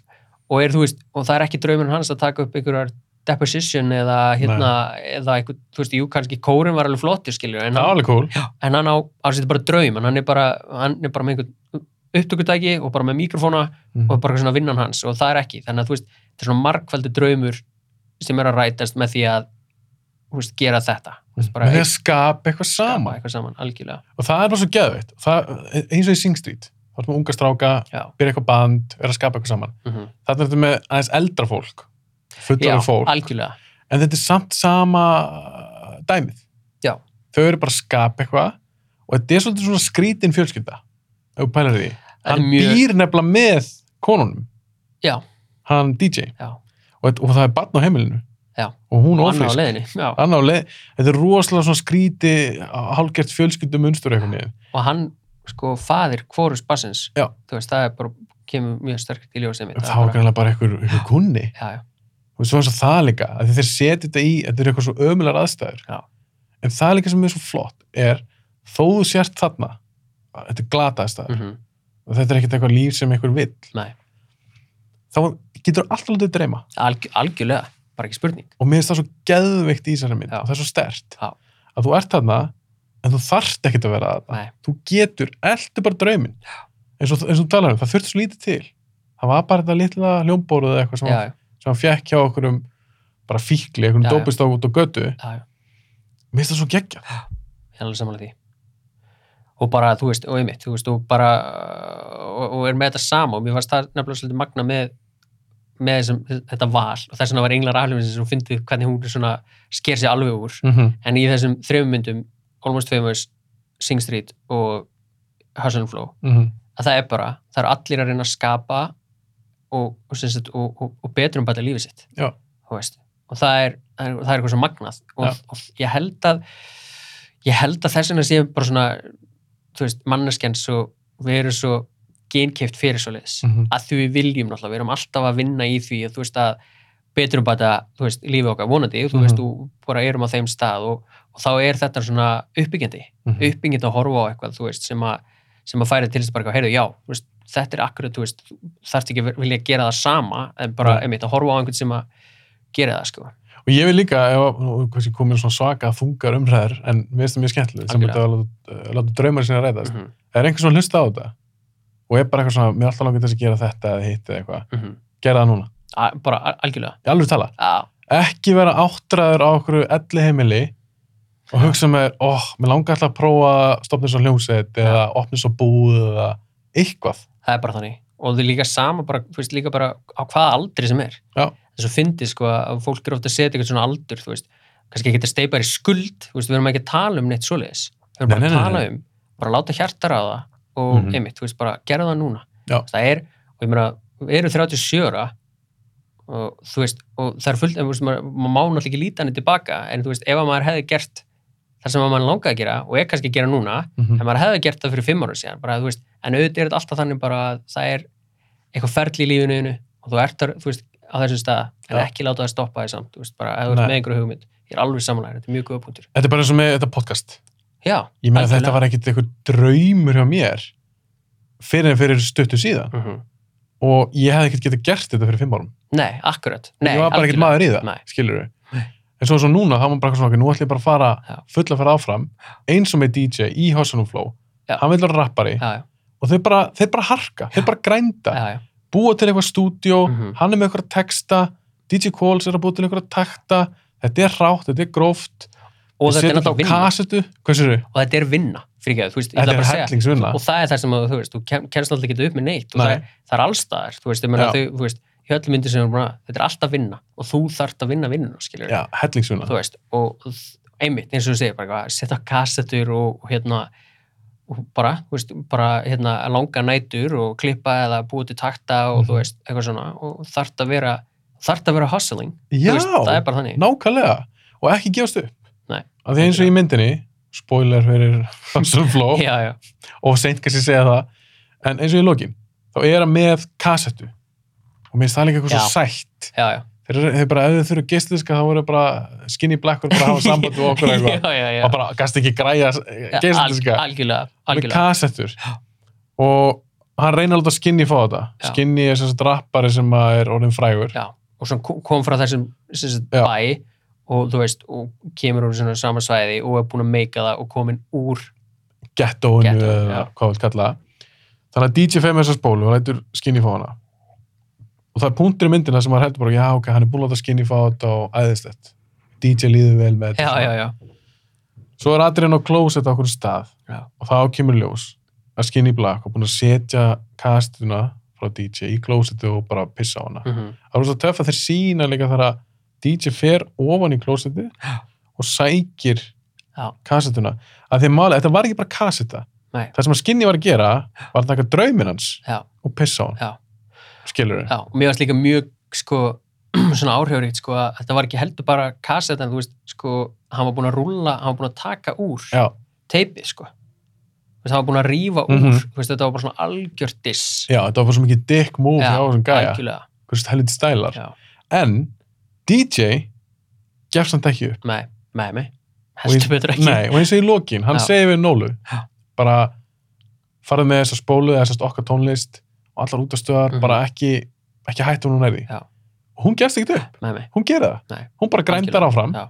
og ég vil meina það í lokin að hann aftur að meika hann sleppur út, já, já hann var að koma með einhvern hittara mm og ég meina eins og með lögin í sér mitt, mér finnst þú æðisleg já, þetta er geggju þau Þetta eru er bara- geggjum, þetta- þau eru bangin, það er bara þannig þau eru bara, þú veist það er bara, það er bara þannig, þú veist, Já. þú hlustar á þetta og, og, og einmitt, mjög vel bara geggju beats og Já. hérna og, textin er skemmtilegur, skilur og þú veist, og að, að, og þú veist, alveg- þú veist, það eru mjög grófir þú veist, grófur Já, já. texti og sem, sem er oft í svona rapplögum algjörlega, algjörlega, en þú veist, þú kaupir það líka af því að þú veist, þú ert búin að sjá hvernig þessi, þú veist, maður lifir sko, Já. og hann er bara að tala um lífið sitt sko, Já, það er og það málið er mjög sannfærandi, Já, að því að mitt hann er að tala um það, bara vera mellum dólgur Já. hann er bara svolítið mikið Já, að já. tala um það algjörlega og við erum, einmitt, eins og þú segir, við erum búin að sjá það já, við erum búin að sjá að þetta er ekkert glam og líf með mig, þetta er ekkert skemmtilegt með mig og hann er bara að rappa um þetta það er líka ofta sem þessi rappar að gera eða bara tónlistmenn yfir höfuð sem Mhm. er að semja texta bara að segja frá sínu lífi já, það er bara þannig, Já. þú veist, það er man, það er bara ekki spurning, það er, þú veist Sing Street, þú veist, þau eru bara að tala um skó skólagöngunum sína og hérna og skotin í þessa stelpu skotin í sér og- stelpu, sko, þú veist Já. og þetta er náttúrulega bara, þú veist, og það er náttúrulega það sem að tónlist er að þetta er svo útrás fyrir, þú veist, bara bæði tilfinningar Mhm. eða, og já, bara það sem er að gerast hjá þér, þú veist, þú er bara að segja frá þú veist, bara, þú veist, það er það sem er svo fallit við tónlistamenn bara yfir, þú veist að stundum er þetta bara sögumenn, Já. þú veist, bara og segja bara sögu frá sína sögu þú veist, og, og það er geggjað þegar tónlist næri þér með texta og þú er bara sér það fyrir, þér, svona visual, sko Já. og hérna, en í þessum algjörlega ég er alveg samanlega mér finnst það bara mér er svo ótrúlega gaman að sjá hvernig þessi mynd næri einhvern veginn svona mörgum tilfinningum hjá mm mér og náði mér svona svakalega að þetta er kannski ekkert svona heimur sem ég tengi neitt sérstaklega við Nei, bara þekkir ekki neitt ég þekki ekki neitt skilur, eitthvað svona uh, hardcore, eins og ég mellu dulgur, bara eitthvað að selja eitthvað konur út, eitthvað, hann bara keira þær á eitthvað staði, einvinnur á strippstað, hann að ná eitthvað peninga að selja líka smá dóp en samt einhvern veginn minnst það samt falleg mynd að einhver leiti, já, já. ekki umhverfið Nei, al- alls ekki sko. en pínu bóðskapurinn Já, það er bóðskapurinn já, En eins og ég segi, þú veist að þetta var svona þú veist, hún er langmest darkmyndin já veist, af hitt bara svona- Ah, þessum fjórum ja, Englar Englar Hallsins, Hafsins er alveg hún er dark örgulega og það er- þingst Hún er þingst, já og hún alltaf endar ekki vel nei, þú veist, hún er svona, já, hún er alveg það er svo gaman bara einmitt, þú veist, þegar maður horfir á svona bara hvað hún er einmitt, hinn, þú veist, endar ekki vel mm Mhm. hitt er allt svona alveg, já, ok, þú veist endar sæmilega og vel eða hvernig Mhm, sem hún er skoðað, sko mm -hmm. en, en, en umhverfið er svo svakalega dark Að það er í, það. þú veist, í þessari mynd sko. í þessum mynd, Já. algjörlega Mhm. áttu upp á slag af þessum þremur þetta er eiginlega aðla þrjúlegu Whoop That Trick, Já, It's Hard Out Here for a Pimp sko, og In and Over held ég heiti. sko bara mómenti þegar þeir eru að búa til hérna, Whoop That Trick, já, það er sem gegn það er bara, þú veist, þeir eru búin búa til hann, það eru allir að syngja þetta og, og þú veist, bara, hvað- þú veist, og, og, bara svona s- eins og þú segir, þú veist, bara þegar þú ert að skapa eitthvað, búin að, Mhm. þú veist, og ert bara komið bara pingu lítinn bút af því og þú hlustar á það aftur og aftur og aftur af því að þú veist, í, í þínum eyrum er þetta bara, þú veist, bara bangin, þú veist, það er bara þannig. þú finnur líka, Já. myndi ég halda bara hvað þú ert að skapa eitthvað, þetta er töffir sína í myndinni Mm -hmm. þú finnur bara, ok, ég kom með það Já, klálega. við erum komin með það Já. og með svo, eitt líka hvernig myndi byrjar uh, þegar hún sem sagt, MTV Studios og eitthvað hann í byrjunni bara Já, Paramount og já, eitthvað já, alveg rétt. þá er eitthvað svona eins og bassalína eða eitthvað Mm -hmm. undir Já, og ég man bara því ég sá hann, ég var bara, ok, ég áttur fylgismynd já, alveg rétt. mér varst það já. bara geðið Já, töff, já, já, ég man, já, mannst ekki því jú, ég man eftir því. kemur eitthvað Sér svona, ég er ekki að syngja það Nei, Eða en ég eitthvað man svona alveg al, al, að því þetta er bara bassalína. svona drón já, bara, já, og ég var bara eitthvað svona, ok, fuck, þessi mynd verður good shit, algjörlega, ég er alveg samlæðin, hún byrjar mjög vel það var svo, það var svo töff já. þú ert ekki búin að sjá ramm úr myndinni Nei, en ég var strax bara eitthvað, ok, ég, er- ég er- held ég sko sólt og það er, þú veist, og það er það sem eins og þú segir, þú veist, að, að bara ef að, ef að tónlist næri því svo leið, bara hljóðheimur Mhm. næri því þannig í mynd, það skiptir þetta bara alveg svakalega miklu máli tónlist í myndum er bara þannig, sko og það sem þessar myndir eiga samið, það er svolítið gaman að þeir eru fjórar og að því að ég valdi ekki allar, þú valdi ekki allar Svona tvær frá þér og tvær frá mér Mhm. það er svolítið gaman að sjá þú veist, það sem tengjar er þessi tónlist, það er svona okkur þema hjá okkur í þessu Já. þætti og ég hugsi kallana þátt bíólist, skástrík tónlist mm skilur við, Mhm. þó að bíólist sé ekki beint orð Nei, en samt, þetta er list já, og það sem er svolítið cool er að þessar fjóra myndi kannski það ná einhvern veginn allan, fara allan skalan mm ef við tökum léttustu myndina, Já. Sing Street algjörlega svo ertu komin í Almost Famous já, svo myndi ég setja House on Flow já, og svo Engla Alimsins að því að þó að það sé hardcore umhverfi í House on Flow mm þá hugsa ég, þó að ég svolítið sín sá Engla Alimsins að það er verið að tala um geðsjúkdóma og Já. svolítið þungt, já. mjög þungt efni En, en samt, sko, húmor myndir þú sussa? hvar? Myndir þú setja House on Flow? Í- ert að með vera svona þyng, kvarða. þingri sko. Já. Já. sko, þetta er svolítið fyndið sko. ég, mynd, já, ég myndi setja veist, ég myndi frekar, Mm ef ég ætti núna þá myndi ég frekar aftur horfa á Engla Alice's en Hustle and Flow, Ok, þú veist og hérna, kannski ég, þú veist, veit það ekki, bara að ég tengi við og svo bara, þú veist, og hérna en að því að þú veist, þessi heimur er fyrir mér, Hustle and Flow, frábæðvind þú veist, Ógeðslegur leikur, heimur. bara, já, en, já, akkurat, og ég var Já. alveg bara svona úf, þú veist, þetta er, þetta er þessi geðvikis heimur þessi alveg mjög fráhrendandi mm það er samt líka léttleiki í þú veist, bara þeirra samskiptum og þeirra sambandi, þeirra samtölum Þú veist, Ísland á þessum tíma það er þú veist, ótrúlegt að horfa 20 ár síðan þú veist, og það var engin dróna sko þess að fyndi þegar maður sér að bara uh, uh, þú veist bara eitthvað hvað kallar þetta hvað kallar þetta þyrlu sko þyrliskot já, og bara svona allt, allt öðruvísi þú veist, Mhm. bara eitthvað sjá Reykjavík og svona, og svona magna, þú veist, þess vegna sko þannig, Já, þannig að þú myndir kannski setja hana þú myndir Já. setja House on Flow þannig að ég valdi léttustu myndina og þingstu það fyrir mig sko, fyrir mig Já, En þú veist það er skrítið samt, kannski bara því að ég tengi bara við hérna englega alheimsins á einhvern skringilega jákvæðan hátt sem er ótrúlega skrítið, en ég Já. veit ekki hvað það er sko. Já. En hérna, nei, er, er ekki Hörsunum Flóa, hún endar allavega hana betur. já, Já, ok, ég, tökum, þú valdir léttistu og ég valdi þingstu. já. Já, En það er svona svolítið gaman að Já. þú set- getur sett þessar fjóra myndir. Við hefðum getað valið, þú veist, ein mynd hefði getað verið alveg eins og mín og, já og öfug. algjörlega. Það er svolítið gaman samt einhvern veginn, þetta eru fjóra myndir sem myndar svolítið skemmtilega heild. Mhm, algjörlega. En í gegnaðar allar er tónlist Já, algjörlega. og alls konar tónlist. Alls konar, já, mjög hérna, breytt svið sko. Já, alveg svakalega. Við erum með 70s tónlist, við erum með rap, við erum með 80s tónlist Já. og svo íslenska tónlist Já. í rauninni bara. Já. Það getur kallað það bara. Já. Ertu með eitthvað meira eða að fara að slúta þessu? Nei, bara er eitt sem er langaði að spyrja þig, að Já. því við vorum að tala um svona, þú veist, áttu uppáhald skor? Kveikmynd og skor, Já, allra tíma. Já. Breifart kennst mjög já, ofalega hjá mér. Já. Svo er önnu mynd sem heitir Unbreakable með Bruce Willis. já, mér finnst tónlistin heiðri mitt algjörlega tröfluð ég persónulega er mjög hrifin af þeirra hljómsveitir eins og Massive Attack gerði tónlist fyrir Danny the Dog, já, alveg rétt, já, já. tröfluð Mhm. tónlist eins með í Fight Club, Dust Brothers minnst hún Já, ekki, já. það er frumsamið fyrir myndina mhm. Akkurat. en þú, Sko, ég var, var mikið að hugsa um þetta og þú veist, hugsaði um þetta um bara svona skor yfir höfuð, Mhm. en hérna, á sammála með Breifart sko. rosa svo, tónlist svo finnst mér Theory of Everything hérna, þar sem Jóhann Jónsson ég gerði, sá hann ekki þú ert ekki með að sjá hana Nei, skorið þar er geggjað Mm. þú hann veist, var rosalur já, hún er bara, og þú veist og bara, já, og fleiri, bara Sikari og hérna Arrival, þú veist, geggjuð skor sko, fár, þessu sikari og ég Já. er bara það er bara rosa ég bara, þetta er svo stundur svo það er alltaf sorglegt þegar fólk fellur frá en þegar ég las að hann hefði dáið mm -hmm. Jóhann Já. ég, ég, ég varð svo leiður af því ég er alveg viss um það hann var bara núna að byrja bara heiklust hann hefði orðið svo stór í þessum heimi já. Hann, Bara í Hollywood. hann var bara að fara upp sko. hann Það var bara að fara já, upp, stemdi allt ánga svakalega þetta er svo svakalega leðalt en, maður en ég og eitt, sko, ég var að fara yfir þetta því við tölum aðeins um þetta, þú veist, bara er svona, eitthvað svona þessi pælingu, sko, Mhm. og ég á eitt svona uppáhalds lag sem ég saman fyrir mynd Já. svona þeir sem ég hugsaði um, og það er hérna í Hannibal og heitir hérna Vítikor Mjöum og er hérna Hannibal ertu bara að tala með Anthony bara, já, Hopkins Anthony Hopkins hefur séð hana?